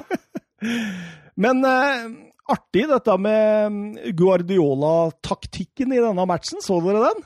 Ja, jeg syns det var artig med motspillet Arteta òg. Ja. De to gutta kjenner hverandre så godt, og du ser begge to eksperimenterer i samme kamp, og det, det er kjempefascinerende. Altså. Ja, det er ekstremt morsomt å se på. Disse ser Guardiola som var 3-4-3 med ball, og 4-3-3 uten ball, med Cancelo som indreløpere. Og så hadde han Rodri som både stopper og defensiv midt. Altså han, han var en slags sånn dynamo mellom de to hele veien, og gikk ned. Og, og jeg, jeg flira litt også for han kommentatoren som kommenterte kampen. Han hadde jo virkelig ikke fått det med seg. Jeg syns også det var fascinerende med Arsenal, som har spilt tre stoppere nå såpass lenge, og så plutselig varierer de også, da. Med, med det systemet der. Saka som nesten spiller fri venstrekant på et eller annet vis, og, og Tierney som da både skal være stopper og wingback. Så nei, det var, det var veldig fascinerende å se. Arsenal også hadde gjort hjemmeleksa si med at de skulle angripe på sin venstre side, og det, det, den ser jeg. For det er kanskje der City er svakest defensivt. Ja. Så lenge Walker blir så offensiv som han gjør. Ja, absolutt. Og du så jo City også, som dytta Mares helt ut på krittet. Mm. Mens uh, den andre kantspilleren da var helt inne sentralt hele tiden. Og, og de angripte veldig ofte bak Arsenal sine bekker. Uh, spesielt på Mares sida. Det, var- det var veldig artig å se, for det var så mye taktikkeri, Søren. Ja, og det er jo, det er jo to veldig taktisk utprega trenere òg, og det er jo veldig morsomt. Det er jo mesteren og, mesteren og eleven, som man sier. Eller læremesteren og eleven. Ja, og det er spesielt med tanke på at læremesteren og eleven var også med Leed City òg, bare at da var det andre veien. Ja. Var det var Så det blir, det blir egentlig uh, oldelæremester. ja, oldebarnet olde- til Bjelsa. når er Arteta, oldebarnet til Bielsa. Det er det dummeste jeg har hørt. Men eh, ja, Arsenal, eh, Raheem Sterling, de har leder jo 1-0 til pause. Og eh, i annen omgang så tenkte jeg at nå, nå blir det full baluba her. Men jeg syns lagene nulla hverandre litt ut, rett og slett. Ja, og jeg, jeg- lurer på om, om Guardiola fikk det han ville, med tanke på hvordan de andre omgangene til City så ut før i sesongen. Det var jo definitivt et steg, et steg oppover at han faktisk klarte å roe ned den kampen og egentlig drepe mer eller mindre. Ja, men jeg syns Arsenal kom litt mer med, men det var som en konsekvens av hva du sier, da. eh, At City ønska deg å drepe den litt mer. At de ofra ikke så mye for å gi mer rom til Arsenal. Eh, Arsenal produserte riktignok noen muligheter. Jeg syns Saka var veldig frisk. Eh, et lite enmannsangrep til tider, som, som var kanskje den eneste trusselen Arsenal hadde. Ja, og så må man jo samtidig også si selv om City holdt nullen i kampen. Jeg vil ikke friskmelde det defensive spillet der, for det var ikke alltid eh, helt, eh, helt på toppnivå, altså. Med Ruben Diaz er klasse. Altså, han, er litt sånn, han er litt sånn sjef bak der. Ja. Det er litt van Dijk over det. Og Ja, det, når Alaporte er så mye ute som han er, så kan det bli en eh, kjempesignering. Altså. Arsenal har tapt eh, sju Premier League-kamper på rad mot Manchester City. Sist de tapte sju på rad mot én motstander, var fra 74 til 77. Det var mot Nottingham First. Tottenham. Ipswich. Storlag Ipswich der, altså. Og dette var Pep Guardiolas 500. seier som manager, hvis du inkluderer Barcelona B-tiden hans. Eh, 172 av dem har han tatt i nåværende Manchester City. Så 500 med seire, det er, det er greit. Ja, det kommer an på hvor mange kamper han har vært. da. Han har 10 000 kamper, så er det jo ikke så imponerende. Men... Newcastle, Manchester United. Det verst tenkelige start for Manchester United. Jeg tenker når, når United kommer ut fra pausen, så har Solskjær fått sparken. tenker jeg. Ed Woodward som leder laget i andre omgang. De kommer jo kommer fra et 1-6-tap mot, uh, mot Tottenham, og så går det to minutter, ikke engang, uh, mot Newcastle, og så er det 0-1 sjølmål Shaw. Altså, ja, det er som du sier, verst tenkelig start, og fryktelig forsvarsspill, der, særlig av Lindeløf. Forferdelig, egentlig. Men jeg tror det var mange Manchester United-fans som var litt sjokkerte når de så lagoppstillinga. Altså elveren til både Mata inn og Fred McTominay defensivt der, og, og ja, det Daniel bare- James ut. Og... ja, den lagoppstillinga. Men det var jo bare Pogba som blei Hvor Martial var suspendert. Ja, Greenwood ja. var ikke med. Mm. Og så det var jo egentlig bare Pogba som blei hvilt. da. Matic var vel kanskje på benken. Sånn at eh, det var jo noe av det bedre de kunne stille, selv om vi har slakta Daniel James eh, i denne podkasten før. vi. Fred òg, for så vidt. Men det tok bare 20 minutter før verdens beste Harry Maguire header inn. Han motbeviste 1-1. Thomas Edvardsen! ja, ta feil, Ja, ta feil. Nei, det var en herlig revansj der, altså, fra, fra Harry Maguire. Eh, jeg er enig med Brede Hangeland, som sier i pausen det var overraskende lite feiring. Ja, Altså, akkurat, Det en ting er at du reduserer der, og at du er i en pressa situasjon, men når i tillegg da en lagkompis som har slitt så fælt siste ukene, at ikke flere bare stormer til og er glad på dine vegne, liksom. mm, absolutt. 1-1 til pause var jo ikke så veldig bra eh, spill av Manchester United overhodet, syns jeg. Det, Ikke Newcastle heller. Nei, for så vidt ikke. De, de la seg veldig etter 1-0, syns jeg. Altså, det var eh, trått og kjedelig, egentlig. Ja. Ut i annen omgang så gjør jo David De Gea en redning. Ja, den mot, den mot Wilson den er sterk, altså. Den, eh, Wilson jubler i, er i ferd med Ja. å strekke arma i været der. Det er helt vilt, faktisk, det han gjør der. Ja, det er på Pickford-nivå. Det er Ja. på Pickford-nivå. Um, og fem minutter etter der så får jo United straffespark igjen. Sitt tredje så langt denne sesongen.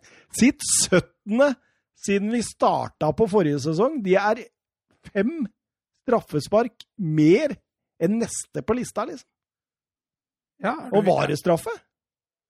Jeg syns den er billig, altså. Ja, altså, jeg, jeg, te- da, da, tenker jeg igjen, hvis han blåser den med en gang, ok, greit, det er noe kontakt der, fair enough, men hvorfor VAR gå inn og gjøre om på den, det, det syns jeg ikke er helt jeg syns den er billig, Ja, men dommeren altså. går jo også bort og ser på skjermen, så dommeren Ja. må jo være Ja. enig. Ja, det er jo sikkert det, da. Ja. Eller, eller, eller er det som vi har vært inne på, at var med en sånn greie kan sette en press på en dommer? Jo, det kan jo hende. Ja. Altså, Den bør ikke si at hei, det er straffe, så dette må du se.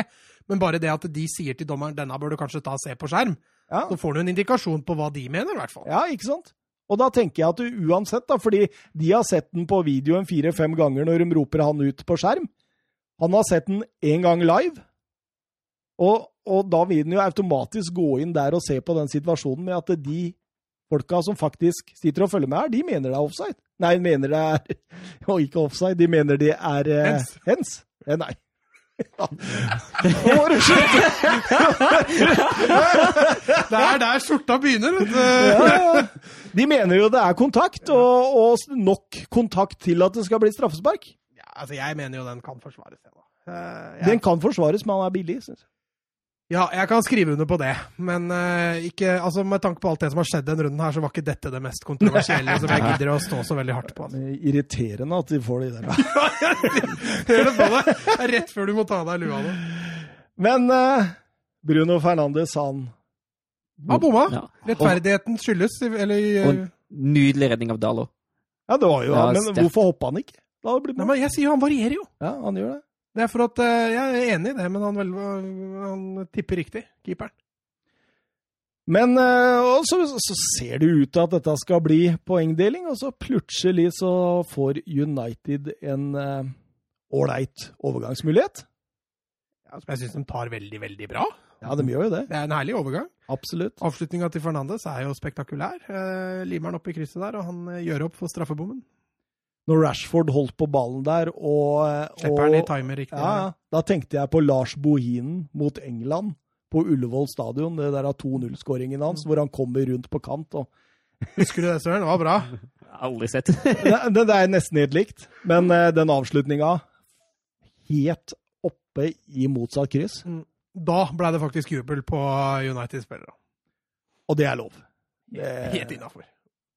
1-3 med Aaron Van Bissaka skårer sitt første mål for Manchester United i Premier League, og 1-4 med Rashford. Mm. Eh, ja, Manchester United eh, ti comebacks i Premier League etter å ha havna under mot Newcastle. Det er flest comebacks mot ett lag av samtlige Premier League-lag. Ja. Så det er voldsomt. Jeg tror vi hadde en, eh, en Twitter på den her òg, jeg. Eh, fra Det var grei scoring av Wambisaka når du først skal debutere med å score. Ja da. Du er så lite imponert av United, da. Solskjær sier nå at sesongen begynner, skriver eh, Vebjørn Fredheim, fri- friskmelder man Manchester United. Ja, Harry Maguire ser jo strålende ut, så nå tror jeg vi kan uh, trygt Nei, jeg gjør ikke det. Eh, nå skal vel United møte PSG i dag. Den kampen begynner vel akkurat nå. Ja, det stemmer. Så øhm, der tror jeg de skal få så hatten passer. Selv om det er uten uh, Icardi og hele pakka, så tror jeg PSG tar det der greit. Ja. Eh, da skal vi videre til Tottenham mot Westham. ja, det er jo to lag med god form, da, i hvert fall, som møttes på eh, Tottenham Hotspur Stadium. Eh, Moyes har aldri klart å slå Mourinho i en Premier League-kamp. Men eh, Westham stina av selvtillit og, og ville være med på dansen her. Ja, Moyes var jo tilbake igjen på benken Ja. etter at Westham har vært gode i to kamper uten han. og det starter jo forferdelig for Westham. Ja, det tar jo kvarter, så står det 3-0. Uh, Tottenham uh, spiller seg godt fram, spiller seg gode muligheter og er fryktelig effektive da, uh, da på topp. En gang sånn, to ganger, to ganger Kane. Kanes femte mål og sjuende assist på fem kamper. Det er kun Tiara Ry fra 04-05-sesongen og Rooney fra 11-12-sesongen som har klart tosifra må- målpoeng de første fem serierundene. Men ingen av de har heller vært i nærheten av Kanes tolv. Han er i storform for tida. Ja, det der samarbeidet Son Kane er jo voldsomt fruktbart for tida. Ehm, det er litt sånn løp, og så slår jeg bare. Så, så, så akkurat nå blir det meste til gull, når de to gutta setter i gang. Produseres ikke voldsomt mye foran Joris, og, og eh, selv om Westham har mye ball altså det, ja, det, Kan du det, ikke henge deg opp i den 2-0-gålen? eh, hva, hva tenker du i forhold til da? Det er Harry Kane som tar et par luker der før han Ja, eh, fantastisk. ja. fantastisk. Hvordan han luker eh, Declan Rice der Ja. og, og smeller av gårde. og skyter mellom beina på forsvarsspilleren. Men jeg føler jeg skryter så mye av Harry Ja, Kane ja, ja. at jeg bør, jeg Men det var derfor jeg ville gjerne hjelpe deg litt her, da. Fordi jeg følte at det, det, det var på sin plass. det er rettferdig skutt her. Ja, definitivt.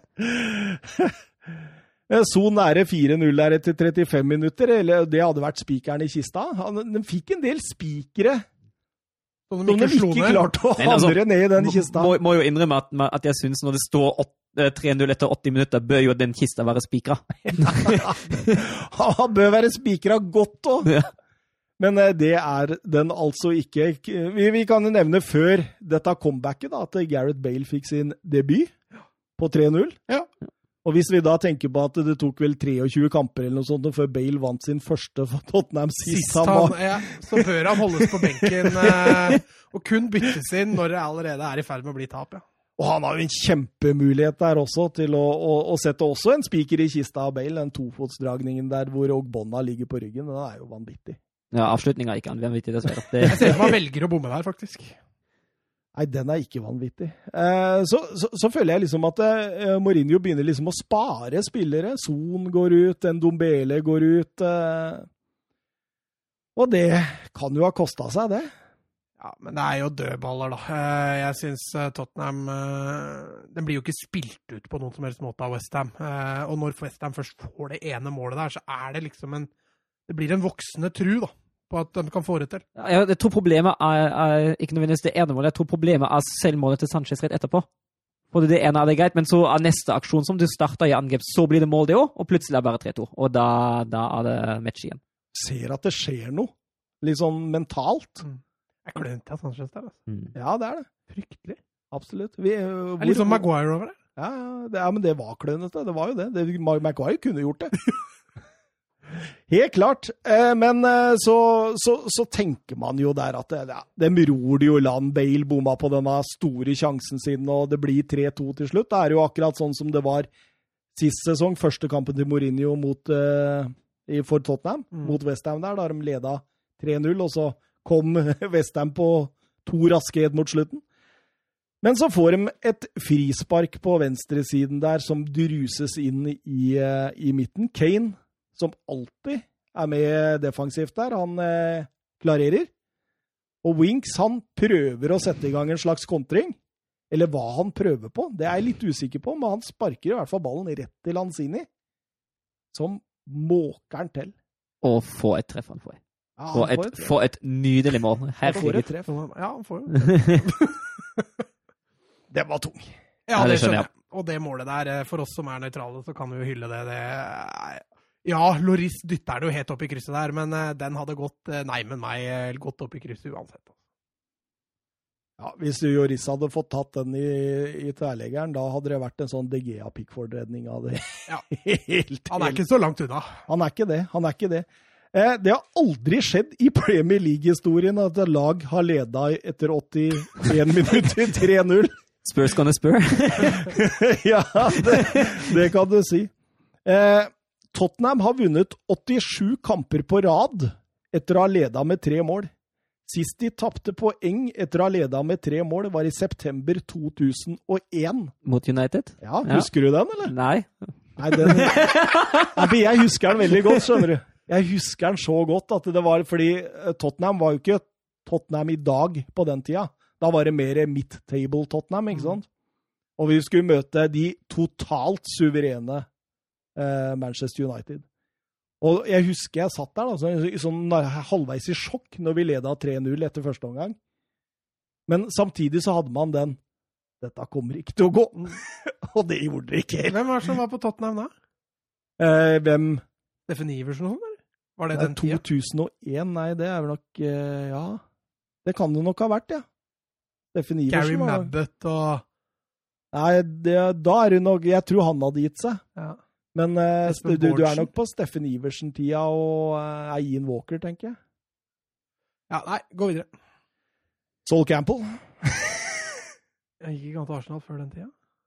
Nei, det var kanskje rundt den tida. Eh, Twitter-spørsmål. Vi har en haug av dem etter denne kampen. Um, Geir Halvor Kleiva. Hva må til for at Spurs skal være med å kjempe om tittelen i år? I år? Altså Det som er fordelen for Spurs, er jo det at uh, akkurat nå så er det Everton og Aston Villa som er de mest uh, stabile lagene. Og det vil jo bety at veien opp er ikke så fryktelig lang. Nei. Uh, så hvis Liverpool City, Chelsea fortsetter å være like ustabile, så kan Tottenham allerede i år kjempe om det gullet. Men hva som må til Altså, de må vinne et kamper de leder 3-0, i hvert fall. Der må kynismen opp. For du kan ikke tape en, eller avgi poeng når du leder med tre mål og hete Tottenham og spille mot Westham. Det går ikke. Nei. Så de bør nok skjerpe litt på dødballene. Jeg syns de sliter først og fremst der. Etablert i forsvar, så føler jeg vel egentlig at de har grei kontroll. Eh, De i tillegg har det samarbeidet med Kane sånn. Det kommer til å, ko- kommer til å gi en del poeng i år. Skulle Bale komme i gang, så jeg har trua. Jeg har fått mer trua på Tottenham nå de siste ukene enn det jeg hadde når vi hadde sesongtipset vårt. Det er i hvert fall veldig viktig å få Altså, de har kjempeproblemer på defensive dødballer. Mm. Altså, Newcastle, når de skårte på overtid der, det var jo etter en defensiv dødball.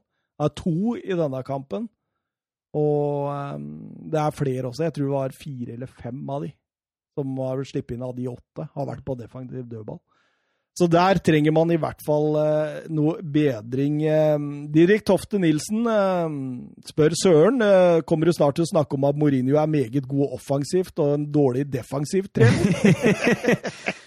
det stikk motsatte av det du sa i tabelltipset vårt. Uh, som sagt, jeg er ikke helt klar til å spise mine egne ord angående det offensive spillet helt ennå. Vi får se. Er det ikke det, altså? Eh, nei. Det er jo det laget som skårer mest mål i hele Europa, jo, Jo, omtrent. jo, med, med unntak av Atalanta. Bayern. Bayern. Bayern, ja, som har 17. Ellers er det Tottenham som har 15. Ja, men eh, jeg er ikke helt lei ennå. Vi får se Vi får se i hvert fall en, en halv sesong uh, før jeg ombestemmer meg. mange Men har Wolfsburg, Søren? To. Fryktelig gøy å si Wolfsburg om dagen. Vi kommer, vi kommer tilbake til det. Men uh, angående defensivet, da syns jeg han, uh, han, godt kan være inne på noe. Jeg har sett litt på tallene der. Uh, og hvis man ser Mourinho i, i, karrieren fra Chelsea og nå, altså fra Chelsea første gang Første gang i Chelsea lå baklengs per kamp på 0,7. Så har det holdt seg på et nivå rundt 0,9 og 0,95 helt ut United-tida. Men det begynte å bli litt dårligere allerede i United.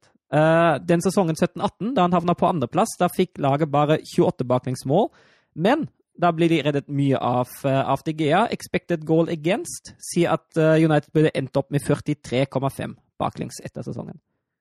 Når det gjelder 18-19-sesongen under Mourinho, da har United fått 1,46 baklengs i alle turneringer i de 24 kampene Mourinho har ledet laget. Og nå i Spurs har han ledet laget i 44 kamper, alle turneringer. Fått 65 baklengsmål, et snitt på 1,47. Sett over en hel sesong gir det 56 bak. Og det svakeste laget i topp 10 forrige sesong i Premier League, det var Chelsea med 54 bak. Og det er kun sju lag som har fått mer baklengsmål enn 56 forrige sesong. Så det, så det du sier, da, at enten nå så er han ræva offensivt og defensivt? Eller så er han ræva bare defensivt, men ganske god offensivt. Nei, eh, vi jo, vi jo også avvente da og se litt, se litt, litt, se litt mer tall, kanskje. Uh, her, her, føler jeg du har en god sak, Thomas. Bare fortsett å presse den. Uh, men, uh, ja, men, altså, men, jeg, jeg, syns, jeg syns Didrik er inne på noe når han, når han påpeker den defensive utviklinga Mourinho hadde i hvert fall de siste åra. Du kan jo også se hvem han har, da. Jo, jo, for all del. Altså, i Chelsea så var det John Terry og Ricardo Carvalho som regjerte, og når han var i Real Madrid, så hadde han Sergio Ramos og Ricardo Carvalho.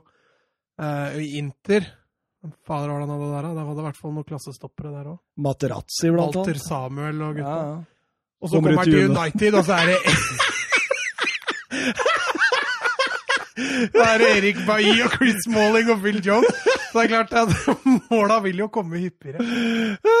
Han har vel også uttalt at eh, den andreplassen med United det er den største prestasjonen han har gjort som trener noen gang. Mm. Fordi kan, det laget var så dårlig. Jeg kan se den også. Men ja, altså, du, er, du, er, selvfølgelig inne på noe, Mats, og jeg er ikke helt klar for, for å dømme Mourinhos, Mourinhos forsvarsspill helt ennå. Altså. Petter Støvland, fire av åtte mål Tottenham har sluppet inn denne sesongen, har handla om frispark fra venstre som blir slått inn i boks. Er det tilfeldig, eller er Tottenham for svake defensivt? Ja, har vi ikke svart litt på det? Jeg jo. føler jo det at uh, hvis det er en ting Tottenham må forbedre, så er det dødballer defensivt. At det er fra venstre, det kan jo være, være tilfeldig, da. Akkurat fra venstre. Granada Sevilla, over til La Liga her. Eh, over til noe moro. Over til noe moro. Ja, det, det, det, var ikke mye moro, det der La Liga-greiene nå, Mats. Hæ? Der er det Altså, det er ikke underholdning, ass. Det er Granada Sevilla var jo litt underholdende. Jo, for så vidt. Det, det var, var røde kort, og det var litt sånn var, eh, var, var litt eh, heftig. Og sein, ja, hva, sein, eh, sein, avgjørelse der. Hva han der Johan Jordan tenker på der, det Og han hevder sin unnskyld. Unnskyld. Det var liksom Hæ, meg? var, altså, du ser jo klart at han får det gule kortet først. Ja. Og så ja, og, og, så klarer han liksom I sitt eget angrep De setter i gang et angrep! og spenna bein på Angel Montoro. Mm. Så han ligger langflat.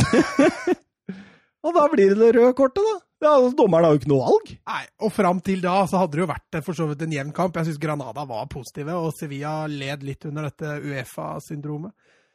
Eh, så når Sevilla havna under 1-0 der, så tenkte jeg dette, dette blir faktisk tøft altså, for Sevilla. Og i hvert fall når det blir så jækla unødvendig som det der. Lopetigi han eh, hiver innpå Campos og Luke de Jong der. for Han starta jo litt med å, å på en måte eksperimentere litt. Ja, litt sånn eh, hva skal vi si, etter eh, landslagspause. Det var flere lag som ja, gjorde det, det for å hvile. For det var mange spillere som har fått tre landskamper på en drøy uke der. og Litt samme. altså Kondé var jo uh, covid-19-karantene, så han fikk jo ikke spilt det. Så Sergi Gomez kom inn der. Escudero fikk prøve seg på venstrebekken, så han fikk testa seg litt. Det var egentlig bare midtbanen som var sånn den kommer til å være, tror jeg. Jordan, Fernando og Rakitic var, var safe. Ellers så fikk Munir prøve seg, da. og ja. Fernandes inne. Ja, Munir er ikke noe god, altså. Han må ha enkelte kamper, altså. Ja. Han er liksom i noen kamper, og en sånn Granada-kamp er helt enig. Jeg mener det er feil å bruke han. Ja, eh, men Granada har Jangel Herrera. Ja, han stanger inn en veldig fortjent 1-0-skåring der. Eh, Den andre omgangen var eh, nesten enveiskjøring, og Granada pusha hardt der for å få, for å få seieren. Og når de får målet, så syns jeg det er eh, fullt fortjent. Synes, Deilig timing på det. Jeg syns også assistien Foucault uh, han var veldig aktiv i hele andre omgang. Ja, men jeg syns de kjørte, var veldig flinke med begge bekka sine, eh, Granada. De eh, angrep bredt der, og, og Sevilla fikk liksom litt smake sin egen medisin en periode der. Så kommer det jo altså en, inn en Granada-spiller ved navn Luis Suárez som filmer. Ligger det Det ligger i navnet! Det har ikke noe med Og så så voldsomt òg, at ikke den blir tatt, liksom. Ja, det er helt utrolig. Altså. Og så han får så vondt etterpå. Tenker, hva faen? Han så vondt av dette. Måtte kikke litt på hvem dette var. En 22 år gammel colombianer som eh, gjorde det ganske bra for Saragossa sist sesong på lån fra Watford. Ja. Og som ble henta til Granada nå. Ja, Granada har forsterka litt, dem også. De har det. Eh, Sevillas første tap i La Liga sin 9. februar. Da var verden i orden. Da var verden i orden, ja. Eh, mens Granada har tre av tre hjemme. Så Ja. de eh, er i ferd med å gjøre Nok en bra sesong. Men Ja. nå starter Uefa Europaliga, Ja. så det blir spennende å se åssen de For nå har de jo faktisk en bredere stall enn det de hadde i fjor. Det Mm. Det bli veldig spennende å se om de greier å holde det der gående. Eh, Det er tydelig at økonomien i hvert fall er på bedringens vei i, i Granada. Det kan bli gøy. Deilig, deilig. Celta Vigo, Atletico Madrid. Det var en annen Luis Suárez som gjorde mål tidlig, Søren. Ja, og det var jo et herlig, herlig angrepsspillet der. Da Suárez har sistemann og peker han i mål. Uh, men det må jo sies at uh, Atletico er jo noe heldig å gå til pausen med 1-ledelse, syns jeg. Du har jo den sjansen til uh, Kirera i og så gjør Oblak uh, Spiller Oblak en sterk kamp i tillegg. Ja, det hjelper det. Eh, trekker fram Sanchez der på den 1-0-skåringa. Eh, Unggutt som får prøve seg på venstrebekken der. Eh, spennende, spennende offensiv type, som kanskje ikke er helt typisk, eh, typisk Simione-bekk, men eh, gøy at han får prøve seg. Eh, fin skåring på den 1-0 der. Absolutt. Og LeMar skrur vel et corner rett i tverrleggeren. er nærmest han har vært mål i Atletico-drakta på flere måneder. Men jeg syns jo Celta Vigo er best i det aller, aller meste her, altså. Ja, i hvert fall i første omgang. Utover i andre omgang syns jeg jevner seg litt, men, eh, men jeg syns Atletico sliter. Eh, Dette er riktignok tredje kampen i år hvor de holder nullen av fire, vel. Eh, Ja. de, de er fortsatt stabile defensivt, men spilldelen må jo bekymre litt. Og selv om Torreira spiller en OK match, så, så må de bli flinkere til å styre kamper, Atletico også. Ja, for Torreira, han jeg, jeg, var et eller annet sted jeg leste der at i sin debut for Atletico Madrid er den spilleren på 2000-tallet som har hatt flest touch på ball. Men det er litt det de får med Torreira på midten der, da, når du ofrer eh, partiet der. eh, Og det at han går rett inn i elveren, det ser jeg på som et kjempestyrketegn, for det har ikke Simione for vane å gjøre. Med mindre han får spillere som faktisk er gode nok. Eh, Det finnes masse eksempler eh, som spillere Atletico har kjøpt, som blir sittende på benken en hel sesong altså før de Mm. begynner å få prøve seg. Så at Torreira går rett inn i elveren der, det, det er nok et styrketegn. Eh, er foran. Han har jo også Hector Herrera på benken, Marcos Llorente på benken. Dette er jo spillere som ikke uh, spilte landskamp, så han uh, Som kommer inn når han skal grinde ut dette resultatet. Det er helt riktig. Diego Simione, vet, som blir, han ble bare mer og mer defensiv der. Bytta ut alt som var av offensiv kraft. Ja, Felix kom inn, da. Ja, han kom inn. Um, Iago Aspas, han var frustrert, han. Fikk mye juling òg. Ja, det gjorde han, men det er klart når du møter Atletico, eller Getafe, som vi også kommer tilbake til, så må du, du må være forberedt på å få litt juling som spiss. Mm, mm, absolutt. Men det var nok litt annen frustrasjon der òg, at ikke det blei mål. Ja. Og Celta hadde fortjent en skåring scoring eller to i den kampen der. Altså. Men isteden så var det Jannik Carasco. Ja, følger opp på en retur der og, og legger den tilbake igjen, så det var eh, ja, Det er enig det var ikke en fortjent seier, men uh, litt typisk Atletico. Nydelig skudd av Felix før 2-0 i tverrligaen. Tre strake tap, 0-7 for Celta Vigo nå. Overlever Oscar Garcia et uh, tap mot Levante neste helg? Jeg tror de har litt trua på han der nede, så jeg, jeg tror nok han får litt, uh, litt flere sjanser. Men uh, det er klart det må snu snart. Uh, Celta Vigo er jo ikke flaue for å fyke trenere, dem. Så Nei, de er jo ikke det. hvis de eh, føler at dette fortsetter å gå trått i to, tre, fire neste runde, så tror jeg nok han lever svært farlig. Og dette, Søren, det var Diego Simiones seier nummer 200 i La Liga. Sterkt. Ja, det er faktisk kun Real Madrid-legenden eh, Miguel Munoz som har klart det på færre kamper. Så det er jo kred til den argentinske, noe eksentriske treneren. Ja, det kan du si. Eh, Real Madrid-Cádiz, eh, der satte jeg meg ned og tenkte nå skal jeg se en overhøvling, og så blei jeg fullstendig sjokkert over det jeg så, egentlig. ja, Du hadde jo rett første det, det, 30. år. ja, det ble jo en overhøvling, bare ikke sånn du tenkte det. Det blei motsatt Ja. overhøvling. Eh, Det er det villeste jeg har sett, altså. Helt sånn seriøst nå, fra bunnen av mitt hjerte, liksom. Jeg blei rett og slett sjokkert over det Real Madrid leverte i den kampen der. Ja, jeg er helt enig med deg. Altså, Real Madrid var milevis unna der de skal være, samtidig som Cádiz kanskje heva seg 5% fra der de pleier å ligge. Så blei dette rett og slett en kamp som jeg tror mange som deg følte at oi, hva i alle dager er det som skjer her? Ja, Når Cádiz kunne leda 3-0. ja, det var jo helt vilt.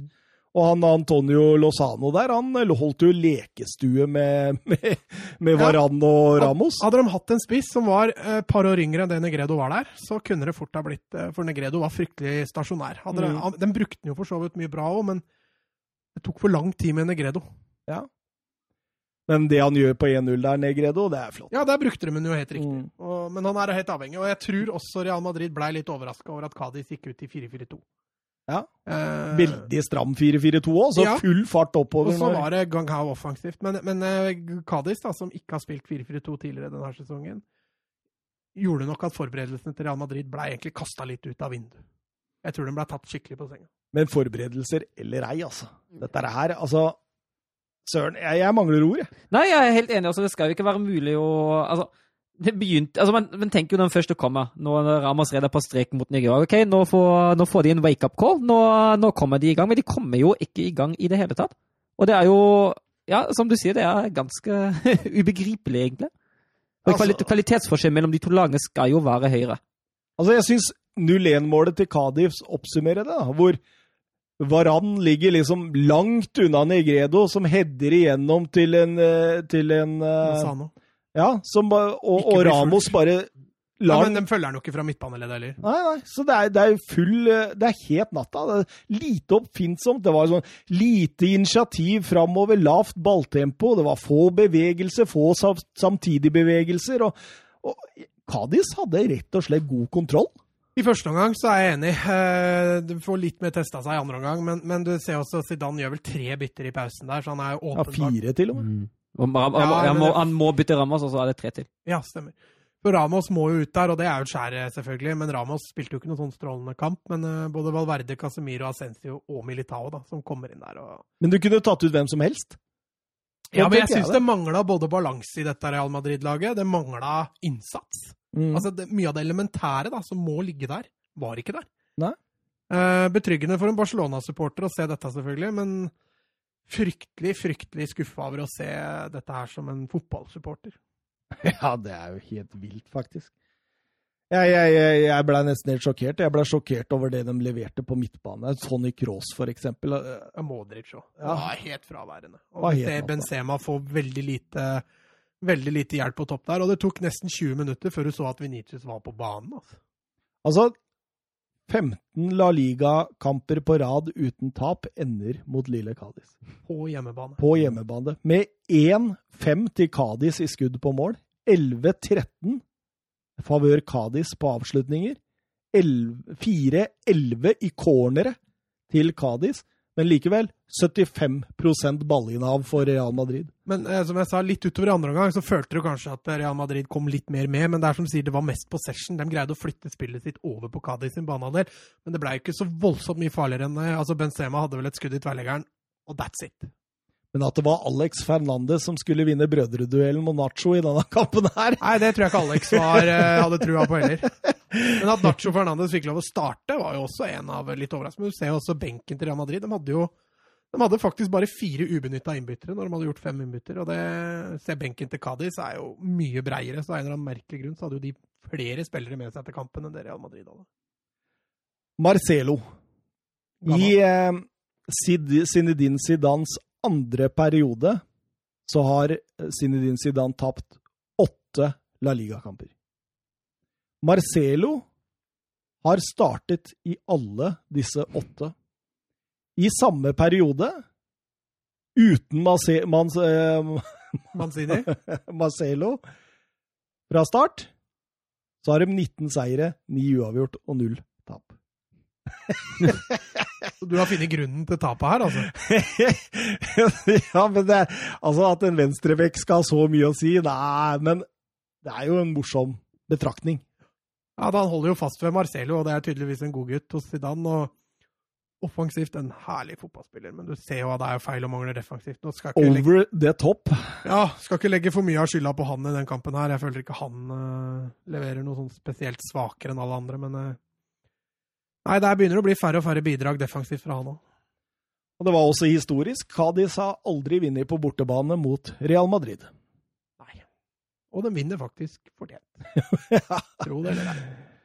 Et annet storlag fra eh, La Liga som sleit litt, det var ditt eh, kjære Barcelona, Mats.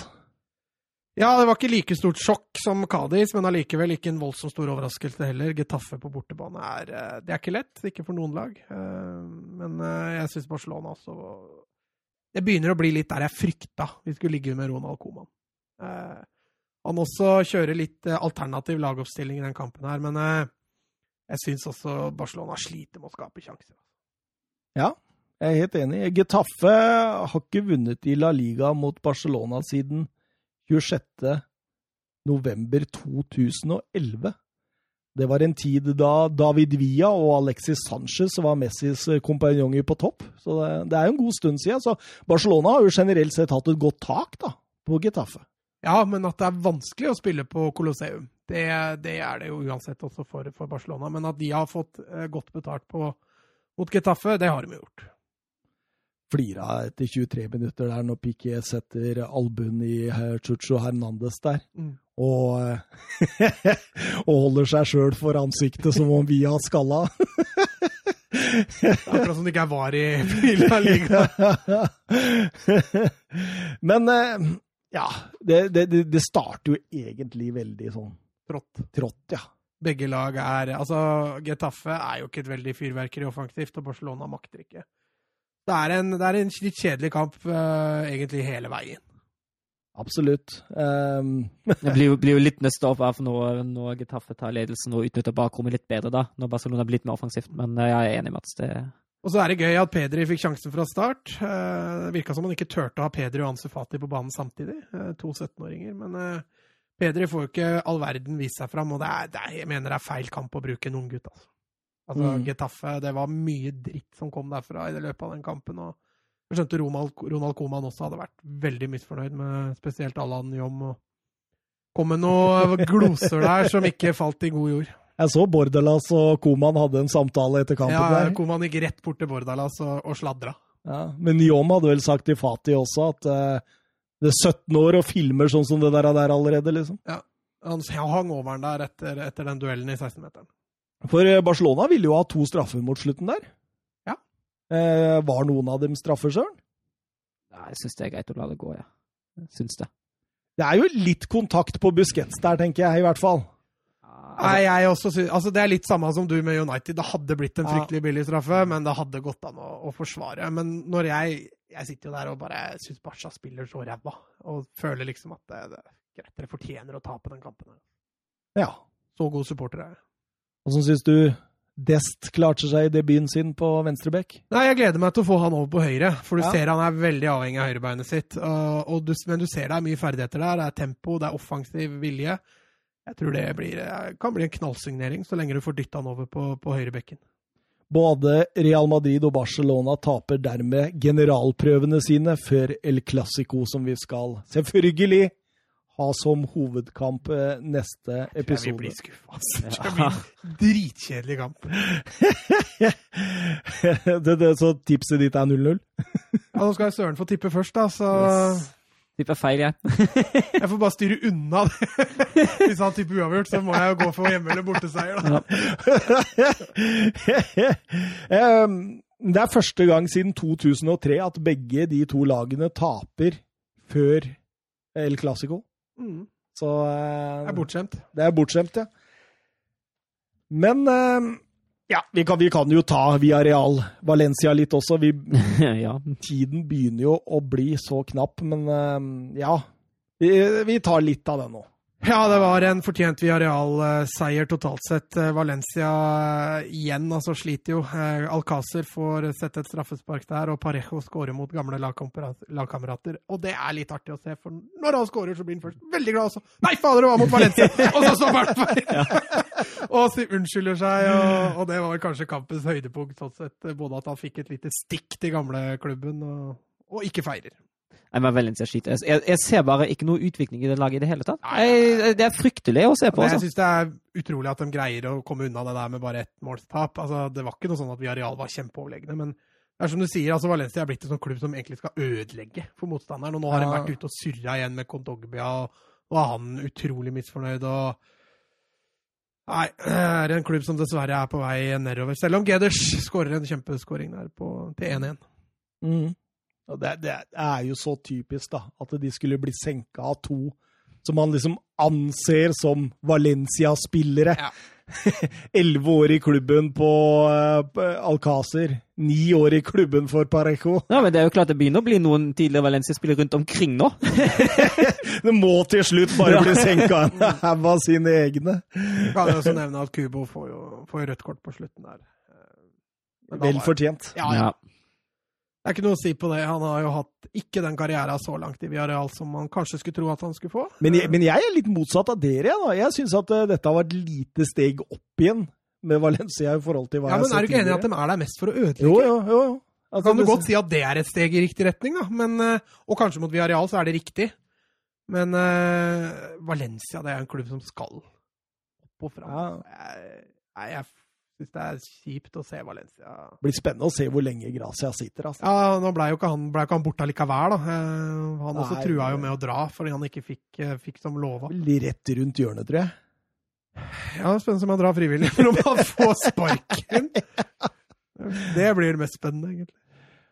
Søren, ja?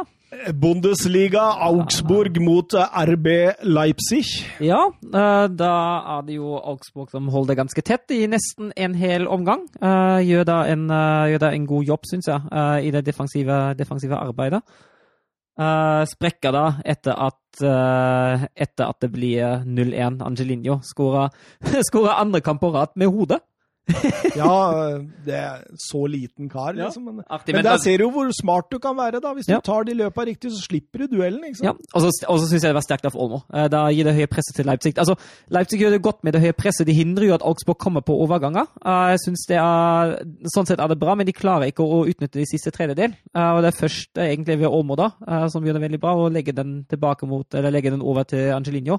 Så skjønner jeg ikke helt hva Framberger driver med der. Altså, Han skal jo ha kontroll på den. Absolutt. Absolutt. Han uh... Den neste skåringa, skal han ha kontroll på den? Da? Ja, den neste er jo, er jo, det er jo nydelig. Glenn Weber på Twitter, en liten hyllest til Marco van Paulsen ja. for målet hans i helgen. Speilvendt. Ja. Speilvendt Marco van Paulsen. Nydelig. Altså, han kommer jo inn han kommer inn 25 sekunder før, før det målet der. Og det første han gjør, er at han tar volley over, over keeperen og i lengste hjørne etter ny assist. Det er jo det er strålende. Det er, det er herlig teknisk, og det er fryktelig vakkert å se på. Olmo begynner å komme i gang. Ja, er, og det er kjempegøy. Det er fint. Ja, kjempegøy. Han skulle gjerne kommet i gang i Barcelona. I Barcelona men... ja, ja, uh, morsom spiller, herlig kreativ type, og ja, pass, begynner å passe godt inn i det, i det laget der. Men Augsburg, det er også Du, du snakka om Valencia, det å ødelegge. Augsburg òg er et sånt lag som kommer på banen for å ødelegge. Ja, så lenge det blir 0-0, så er det så er det mulighet der. Men Augsburg og Valencia, altså det er ja, ja, jo, jo, men... I, I, hvert fall, I, hvert fall, mot sånne lag, da. Um, som, som, som, Leipzig. Da, da, er det klart, da går man ut på at man vil ha 0-0. Uh, samme som, som var jo mot Dortmund. Uh, da var det også en, forholdsvis, en veldig defensiv kamp av Augsburg og prøvde å utnytte kontringsmuligheter. de fikk de mot Dortmund, de fikk det ikke i like stor grad mot Leipzig. Og da, da, blir det sånn. Men det er jo klart, altså møter du Er du, er du Augsburg eller, eller, Bielefeld eller Stuttgart og møter et Eller Bielefeld er et dårlig eksempel, da, men er det et dårlig lag da, å møte et større lag, da det jo, går det mest på å prøve å ødelegge. Sørloth og Cloyfert fikk et par minutter til sammen ja, på slutten der. Og sånn sett er jo den skåringen, skåringen til Poulsen kanskje litt dårlig nytt for Sørloth. Jeg tror ja. han bruker lang tid på ja. å komme inn i det laget. Jeg, jeg husker jeg sa vel at jeg tror det er en god match. Men sånn som Leipzig spiller nå. Mm. Ja, de spiller jo egentlig uten spiss. Ja, De gjør jo hva det. skal de med Sørloth, da? Nei, det, altså, det Han, hadde- vari, han men- varierer så mye, vet du. Plutselig så Ja. trenger han to spisser ut Ja, altså, altså, der også, og så kommer Champions League nå. Nå har de, nå har de midtukekamper hele veien, og det er fryktelig tøft program fram til jul. Jeg tror ikke han blir en sånn soleklar ener som Werner var. Med det første, i hvert fall. Nei, det, Nei. det er ikke Nei, men det er jo, det er jo Vi ser det jo på Olmo òg. Olmo kom jo inn i laget og fant ikke helt tilknytning til laget i starten. Og det, det er, systemet til Nagelsmann, eller tanken til Nagelsmann, det er jo litt krevende. Når til og med Orban står der og bare Jeg har vært ute i et år som midtstopper og sier at nå må jeg, må jeg faktisk eh, jobbe meg opp Ja, ja. for å forstå den fotballen vi spiller nå. Det er jo klart det blir krevende, og blir enda mer krevende for en spiss. Eller en offensiv spiller. Helt enig. RB Leipzig har da ni bortekamper på rad uten tap. Det er rekord for klubben i Bundesliga-historien, Søren. Ja, de har jo ikke så, så veldig lang historie. i treårige, treårige historien. Men det er fortsatt sterkt. Hoffenheim Dortmund. Ja, da var det Haaland, eh, Haaland på benken.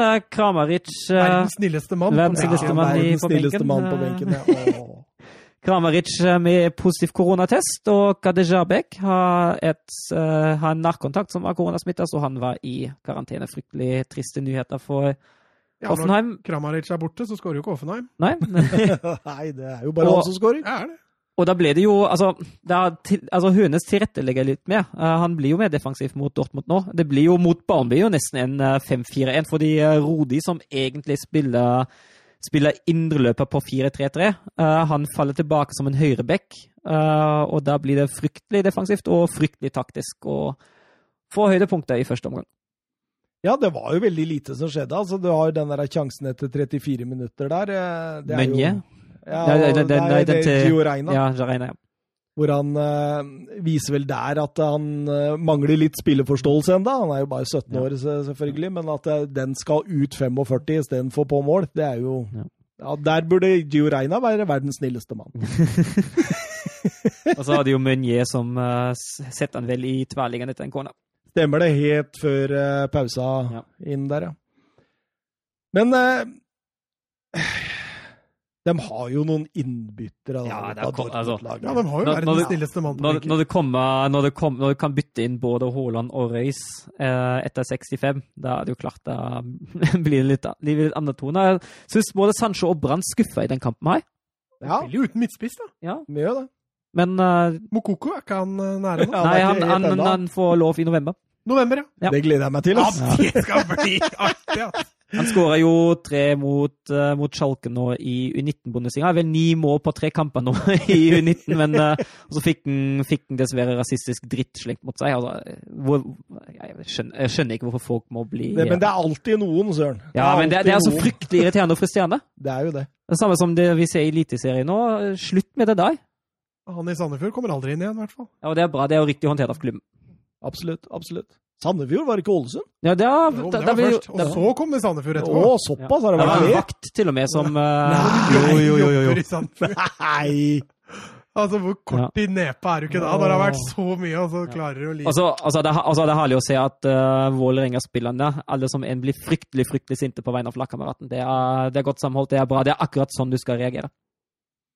Men verdens snilleste mann, han blei verdens Altså, han blei universets snilleste mann! Ja, men altså, akkurat da tenker jeg, da, må, da skal han legge på tvers. Da er keeperen såpass nær at han kommer seg aldri forbi. Uh, så jeg syns det er helt riktig uh, Jeg synes også det var helt riktig mot Passlak forrige, forrige gang. Uh, men da har han nesten ikke noe annet valg enn å legge den på tvers til Royce, som da kan trille den inn på tomt mål. Men for en impact-spiller! Ja. For en spiller som kommer inn og bare preger med en gang. Har du tatt på deg nisselue her i dag? Ja, nå, men, men, men, men, ja, men altså, om han hadde vært svensk eller dansk, har ingenting å si. Det er fantastisk. altså. Jeg, har- jeg, jeg har blitt så Haaland-fan, jeg. Ja. Ja, Jeg er enig i det. den gutten der, altså. Han, øh, han kan nå stjernehimmelen og vel så det. Ja, altså har han den derre vinner... Øh, Ekstreme vinner. Ja, ja. liksom Blir så glad når det blir mål, og du ser liksom på vegne av andre òg. ja, ja. Eller på vegne av laget. Ja, Så blir han kjempeglad. Det, det kommer til å ta han ekstra langt. eh, Bare den, den viljen til å ville ha mer, da. ja. Det er fantastisk. Nydelig. Og da, da vinner jo Dortmund eh, 0-1 og tar seg vel opp på andreplass, gjør de ikke det, Søren? Ja, de gjør det. Og det, jeg syns jo det han fortjente seg. Altså, særlig etter at Haaland kom inn, som du var inne på. Haaland har jo to store sjanser sjøl, som han er veldig uhålandsk ikke setter. ja, absolutt. Han har, hadde et par sjanser der, men, men sammen med Royce. Da. Royce får jo ja. sin første Bundesliga-mål for sesongen nå, er jo, er jo, tilbake. Det er jo kjempebonus. Ja. Og det er, det, det, det, er, godt å se. Det er, en, fin spiller å ha i Bundesliga, og selvfølgelig veldig gode nyheter for Borussia Dortmund. Og en kamp hvor Bayern tapte tidligere. Ja. Altså mot det laget. Ja, ja. absolutt. Armina Bielefeld, eh, Bayern München, det, der lemna altså det, det, var nesten sånn jeg satte meg ned for å se Cádiz eh, eh, mot Real Madrid. Jeg hadde den ja. feelingen her òg, bare her gikk det sånn jeg tenkte. Her gikk det som du tenkte. Og altså, Bielefeld skal ha all ære for at de prøver, men eh, Bayern er feil å prøve seg på. Det er som å høre foreldrekonferansen ja. når jeg var på skolen. Ja. Han er veldig snill, altså. Han... Skjønner du hva jeg mener? Læreren setter seg ned, og så har han egentlig bare masse minus, og så må han finne, no må finne noen plusser! Han skal ha for at han prøver. Ja, for all del. Nei, det var, det var fullt fortjent og overlegen uh, veier, så er det her, men Har lyst til å si! Han er totalt ubrukelig! Han, han kan ikke brukes til noe! Det var litt det Søren sa der han skal ha for at han prøver, altså. det Søren sier, er at de rykker ned med gampesteg. Ja, de kommer til å rykke ned. Ja, ja, ja. ja. ja det er gang. Um, ja, nei, altså Det er jo det er fryktelig, fryktelig morsomt å se uh, med nøytrale øyne det, det Bayern presterer der, i hvert fall. Det var jo flott angrepsspill, herlige kombinasjoner, høyt press, uh, gjenvinninger, gode, gode motsatte og samtidig bevege seg. Det du etterlyste hos Real Madrid. Alt det som Real Madrid ikke gjorde, gjorde Bayern. Ja, og det er, det er, så, det er, det er så deilig, liksom. Ja. Men det må også sies at sjøl mot Bielefeld, det bakrommet som Bayern gir, det ble til tider farlig. Og særlig Doan eh, på høyre kant, han som endte opp med å skåre. Jeg syns han gjorde en, eh, gjorde en, god kamp. Det var jo der den ble straffa til slutt òg. Ja. I den grad den ble straffa ja. på 4-0. Ja, altså, altså er det, jo, det, er jo ikke bare baklengsmål. Eh, det, altså, det følger jo et rødt kort der òg, pga. klønete spill. Og... Ja, men de, de, roer ned hele greia. ikke sant? De kunne vinne i 8-1 hvis jo, de ville i annen omgang. Så de roer jo det ned. altså Det er Lewandowski og Müller-show ut av en annen verden. De, de, får jo gjøre nøyaktig som de vil, og kanskje litt til. Mm. Ja, nei, Hvis det er én duo der ute som matcher Kane og sånn, så er det jo de. Det er jo det. Ja. Det er jo det. Fantastisk, rett og slett. Aldri noe tvil. Det er, det er fullt Altså, det er, det er, så bra da, når de er på sitt beste. Mm. Og så varierer de jo voldsomt her, men altså, når du leder 3-0 du, du, skal ut i Champions League til uka. Ja, du, du, roer ned. Du roer ned. Du gjør det, altså. Det er kan, ingen tvil om. Kan jo nevne at uh, Thomas Mulla, fram til man, altså siden han har begynt å samle data på det på 80-tallet, er Thomas Mulla den første spilleren som nå 150 målgivende i Bundesliga. Deilig. Det har skjedd 43 ganger at Mulla har hatt både mål og assist i en og samme kamp i Bundesliga, og alle 43 har Bayern vunnet. Mr. Assist? Mm. Ja, absolutt. Absolutt. Lewandowski har også med disse måla, Søren, uh, skåret mot alle motstandere i uh, denne sesongens Bundesliga, inkludert Bayern München. Ja, som Dortmund-spiller. Eh, men det er en annen spiller, Søren, som også har gjort det i dagens Bundesliga. Som er aktiv nå? Ja. Ok.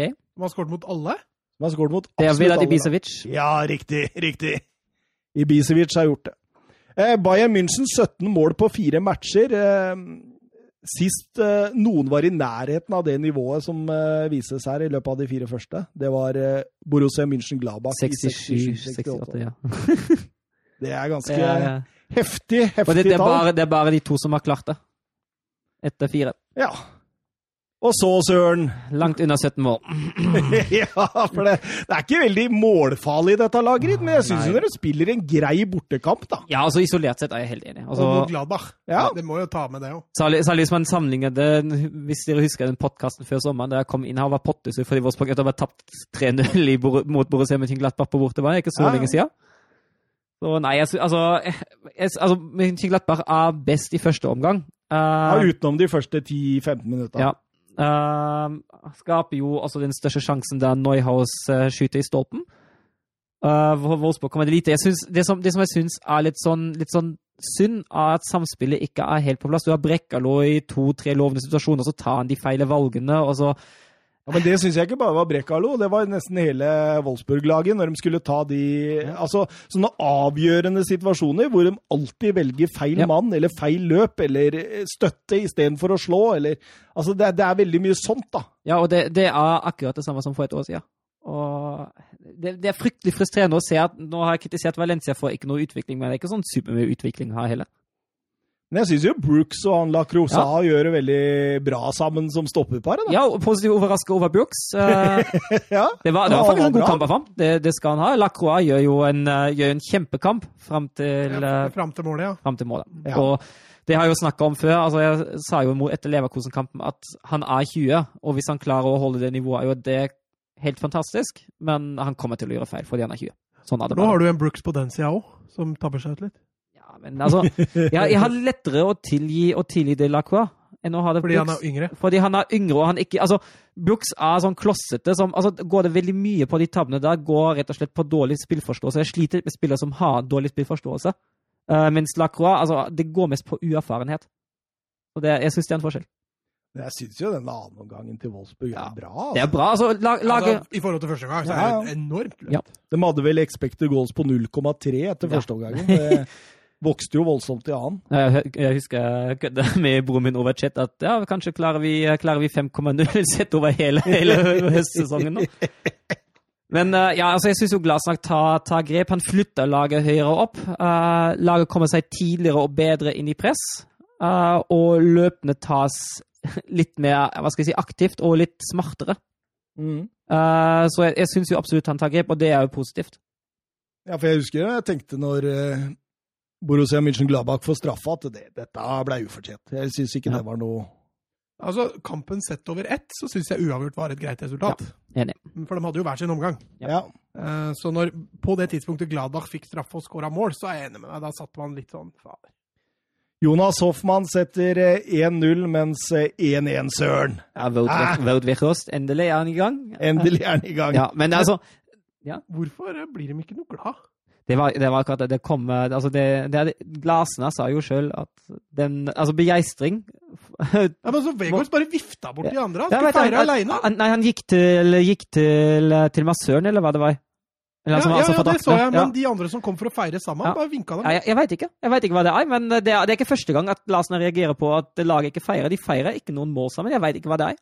Altså, det betyr jo på at det er noe som ikke helt stemmer innad i Ja, det det laget viser jo at du ikke bryr deg så mye. da. Og det er ikke bra. Fjerde uavgjorten på fire her nå. Ja. De blir ikke slått, da, Søren. De, de, de er ubeseira. hadde jo, hadde jo sånn eh, Klaus Augenthaler-vibes, han som, uh, som leder laget i uh, 05, andre halvdel av 05-06, og starten, eller hele 06-07-sesongen, og da starter vi uh, 06-07 starter vi med tre uavgjort og 1-1-mål. Ja, det er ikke så langt unna. Det, samme, det var samme nå, det Ja. var at uh, under Augenthaler tapte vi en, eh, vi en fjerde, her vant vi en fjerde, eller spilte vi uavgjort en fjerde år. Så ja. Og nå blir det Armina Bielefeld, da. ja det, det må vinnes, altså. Det er ingen unnskyldning der. Det er Tipper null, eller? Hvis, hvis, ikke, hvis ikke den vinnes, da, da er jeg fortsatt pottesur når vi har podkast neste tirsdag. Altså. Det, det, det skal du få lov å være. Jeg var litt pottesur i dag, jeg òg. Ja, det er lov. Mats, var du litt sur i dag òg?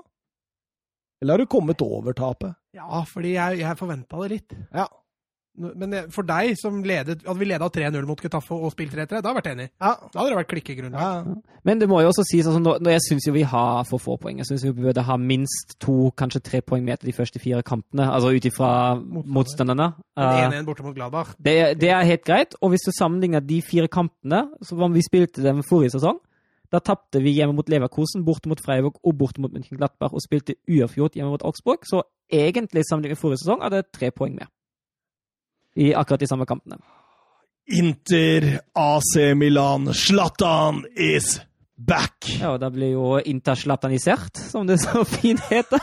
Det, den mannen der Ja, 39 år. Altså, Å, Han spiller den Ja. kampen som han skulle vært 29, altså. det er helt sykt. Det er helt enormt. Jeg syns Milan tar et kjapt grep om det. Åpenbart at det, Inter hadde jo både Skrinjar, Bastoni og Gagliardini ute med covid-19. Og det preger forsvaret litt. Det ser du ganske klart. Eh, og, og dette benytter AC Milan seg som går rett i strupen på Inter, altså. Ja, Kolarov eh, på den hvor han spilte for Serbia mot Norge, i samme, samme posisjon. eh, Inter de første 20 minuttene er knallbra. Nei, unnskyld, Milan. De Ja, ja. første 20 minuttene er knallbra. Inter er ikke i nærheten av noen ting. Eh, Martinez og Lukaku begge ser ut av form ut i den perioden der, og, og Perisic som wingback, altså det, Ja, det, Nei, det funker vi har jo satt fingeren på det før, har vi ikke det? og Jeg veit ikke om det er fordi han mangler alternativer der, ja, men, men uh... Jo Ashley Young. ja. Var han med nå? Nei, Nei, tror jeg ikke. tror ikke han var med nå. Uh, og så ser man jo også at han faktisk vrak, fortsetter å vrake Christian Eriksen og, og Ja. Sanchez. Ja, absolutt. Han går liksom litt vekk ifra den der offensive rollen i midtbaneleddet han har hatt før. da. Hakimi syns jeg er bra. Hakimi er bra. Hakimi er frisk. Men eh, 1-0 til Milan der på straffespark, og jeg, jeg flirer måten det ble satt og, altså, Når du har en løpeduell i bakrommet mellom Zlatan og Kolarov Det gikk ikke fort! Der hadde Edvardsen holdt følge òg. Men, men siden Zlatan har ball, da, så klarer Kolarov å ta han igjen og få han feilvendt, eller sånn delvis feilvendt, inne i boks. Og så klarer han å takle den! Ja. Helt ufarlig. Sånn Ja, ja. Zlatan er i hvert fall helt ufarlig. Så hvorfor han skulle legge seg ned der og prøve, det, prøve på det der, når du veit at Zlatan er så god med ball i Ja, beina de, de Ambrosio var i sikring. Hvorfor går du ned og takler der? Du er, du er 59 år gammel. Du har nok rutine til å skjønne det at det står på beina leden ut. Mm. Hva er det han driver med? Det, det, det, det er gavepakke til Zlatan og AC Milan, som selvfølgelig skårer eh, Etter retur. etter returen. Ja, for Handanovic eh, gjør jo en brukbar redning der. Ja, det er straffen. Og så tar det jo bare seks eh, minutter til, og så er det jo Det er en fantastisk overgang, da. Ja, det har de. Altså, både, både Salemakers og Chalanolo. Uh, Salemakers som holder på ballen og den framover. Chalanolos vending ut mot Leao. Uh, og, og, innlegget. innlegget, til, ja, innlegget til Leao. Og Zlatan får jo en forholdsvis enkel jobb i boksen der. Men han er der, og det er klasse. Men det, det, det innlegget der til Leao, ass, det er ikke ofte du ser så presise innlegg bak backfireren. Lukaku gjør 1-2. Ja, han gjør det. Og det er både Kolarov og Perisic involvert. Det er Kolarov som sendte senter til Perisic, og som legger han, eh, legger han lavt på tvers foran mål, og det er Lukaku.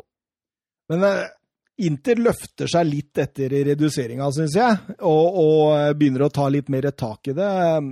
Martinez har jo en som blir redda på streken av tjæret der, og eh, Barella har eh, et fin skuddmulighet. Og, og det blir liksom sånn Kampen er jo helt nydelig. Det, du blir helt fenga den. Andre omgang òg. Jeg syns altså Inter tar litt mer tak i det. Altså, De kommer seg over sjokket. De får 1-2. Og så bølger andre omgang mye mer. Det er en mye artigere fotballkamp. Mm, absolutt. Eh, veldig morsomt, og det er sjanser til begge lag, egentlig. Mm. Godt derby. ja, ja, godt godt derby. Eh, God reklame. Derby della Mandonina, er det ikke det det heter? Jo. Eh, og jeg syns jo at eh, Milan fremstår jo som et Altså, det, det er så mange av de spillere her nå som tar steg. Altså ja, jeg, jeg tror kanskje du kan ha rett, jeg, i forhold til det med tabelltipset, når du hadde dem helt opp på treet, var det ikke det? Mm. Jeg tror fort det kan bli riktig, altså. Jeg tror det fort kan ha høyere òg, for Juventus, som vi sikkert skal nevne litt om. Det var ikke, det var ikke krutt, det. altså. Men uh, litt synd da at ikke nisselua kom inn på der. Uh. Ja, Jens Petter Hauge. Ja. Han valgte Rade Krunic, altså. Ja, han gjorde det. Mm. Jeg, jeg forstår det på et, i den kampen. Ja. Jeg har ikke noe problemer med å svelge den.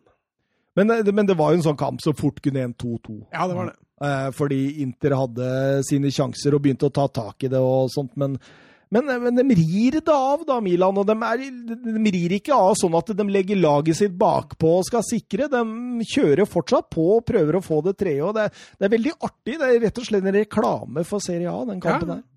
Det er eh, litt mer offensiv tankegang der. Eh, Etter eh, covid-19-pausen har Zlatan to plussmål, eller altså to eller flere mål, da, i hele fire kamper. Eh, Ingen i topp fem-ligaene har flere. Det er kun Kane og Lewandowski som har likt. Det er sterkt av Zlatan. gode tall.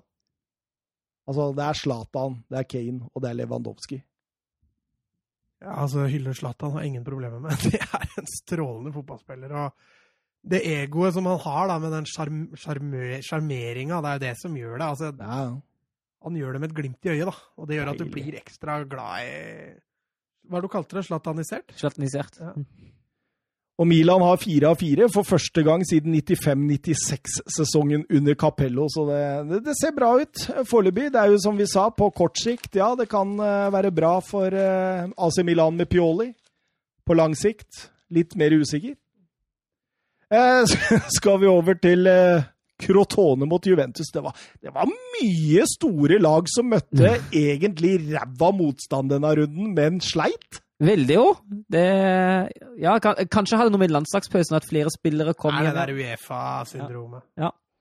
Det syns så veldig godt. Og så møter ja. de lag som har som regel hele troppen samla, mm. og får trent i to uker uten uh, med stort sett full tropp. Og så skal de møte da disse stjernene som egentlig bare har hatt én trening sammen siden landslagspausen. Og mange av lagene velger jo også å, å rullere litt, og det gjorde Ventus nå. Litt ufrivillig med Ronaldo, kanskje, men uh, men de stiller jo ikke med sitt aller ypperste i den kampen her. Nei, men det må jo sies at altså, selv et B-lag til Juventus bør være i stand til å slå Crotone. Enig.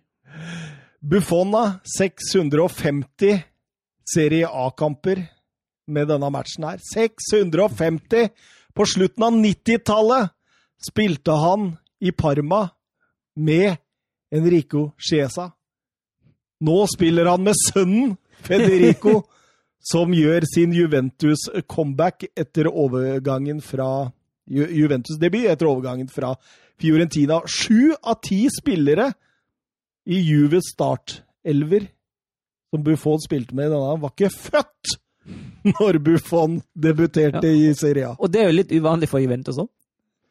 Det kan du si, det kan du si, for Juventus pleier å ha en voksen tropp. Men um, ja, det tar jo ikke lang tid før uh, Crotone får straffespark. Nei, det er Bonucci som, uh, som forårsaka, og Nvanko han har trykk fra 11 meter, han. Ja, absolutt. Han skårte også i 1-1-kampen Crotone hadde mot Juventus for to år siden, sist de var oppe, så han uh, Han er vant til å gjøre det, han, mot Juventus. Sette en sexpack på at Morata skårer 15, eller? Nei, for det tror jeg faktisk han kan gjøre her. Altså, jeg, men, men, men jeg, jeg, tenker kanskje sånn Hvem skårer mest av Zlatan og Morata? Den kan bli spennende. Må jo bli Zlatan. Ja, jeg tror kanskje det, ja. ja. Så da blir det ikke noe øl på den heller? Hva tror du, Søren? Jeg går med for Zlatan, ja. men jeg, jeg, tror fort Morata kan få en uh, mot 15 her, altså. Han får i hvert fall en grei skuring når han blir servert av Skiesa der og På rett sted til rett tid, typ? Ja og setter inn 1-1. Ehm, overraskende jevn kamp, altså. Ja, det, er jo sjanser begge veier. Det er det jo absolutt. Og jeg, jeg syns Crotone gjør, gjør, det jo bra. altså man ser det innimellom hvor, hvor det laget ligger, så tenker jeg herregud, hvorfor er det så stort rom foran, uh, foran forsvarsfireren nå? Uh, det er litt sånn der det, der det mangler mest, syns jeg. Men i det offensive absolutt, absolutt godkjente der, altså. Men jeg tror Cotrone blir litt redda av røde kortet til Chiesa. Jeg tror ja. det hadde blitt for mye for dem utover i annen omgang hvis de ikke hadde fått den. Og eh, det røde kortet, det er litt sånn Jeg føler litt med Chiesa. Ja, han, han, han, ser jo, han ser jo virkelig bare på ballen. Det eneste han ser av ballen, og så tråkker han uh, Ja, for han, han, er litt raskere og kommer under. Ja.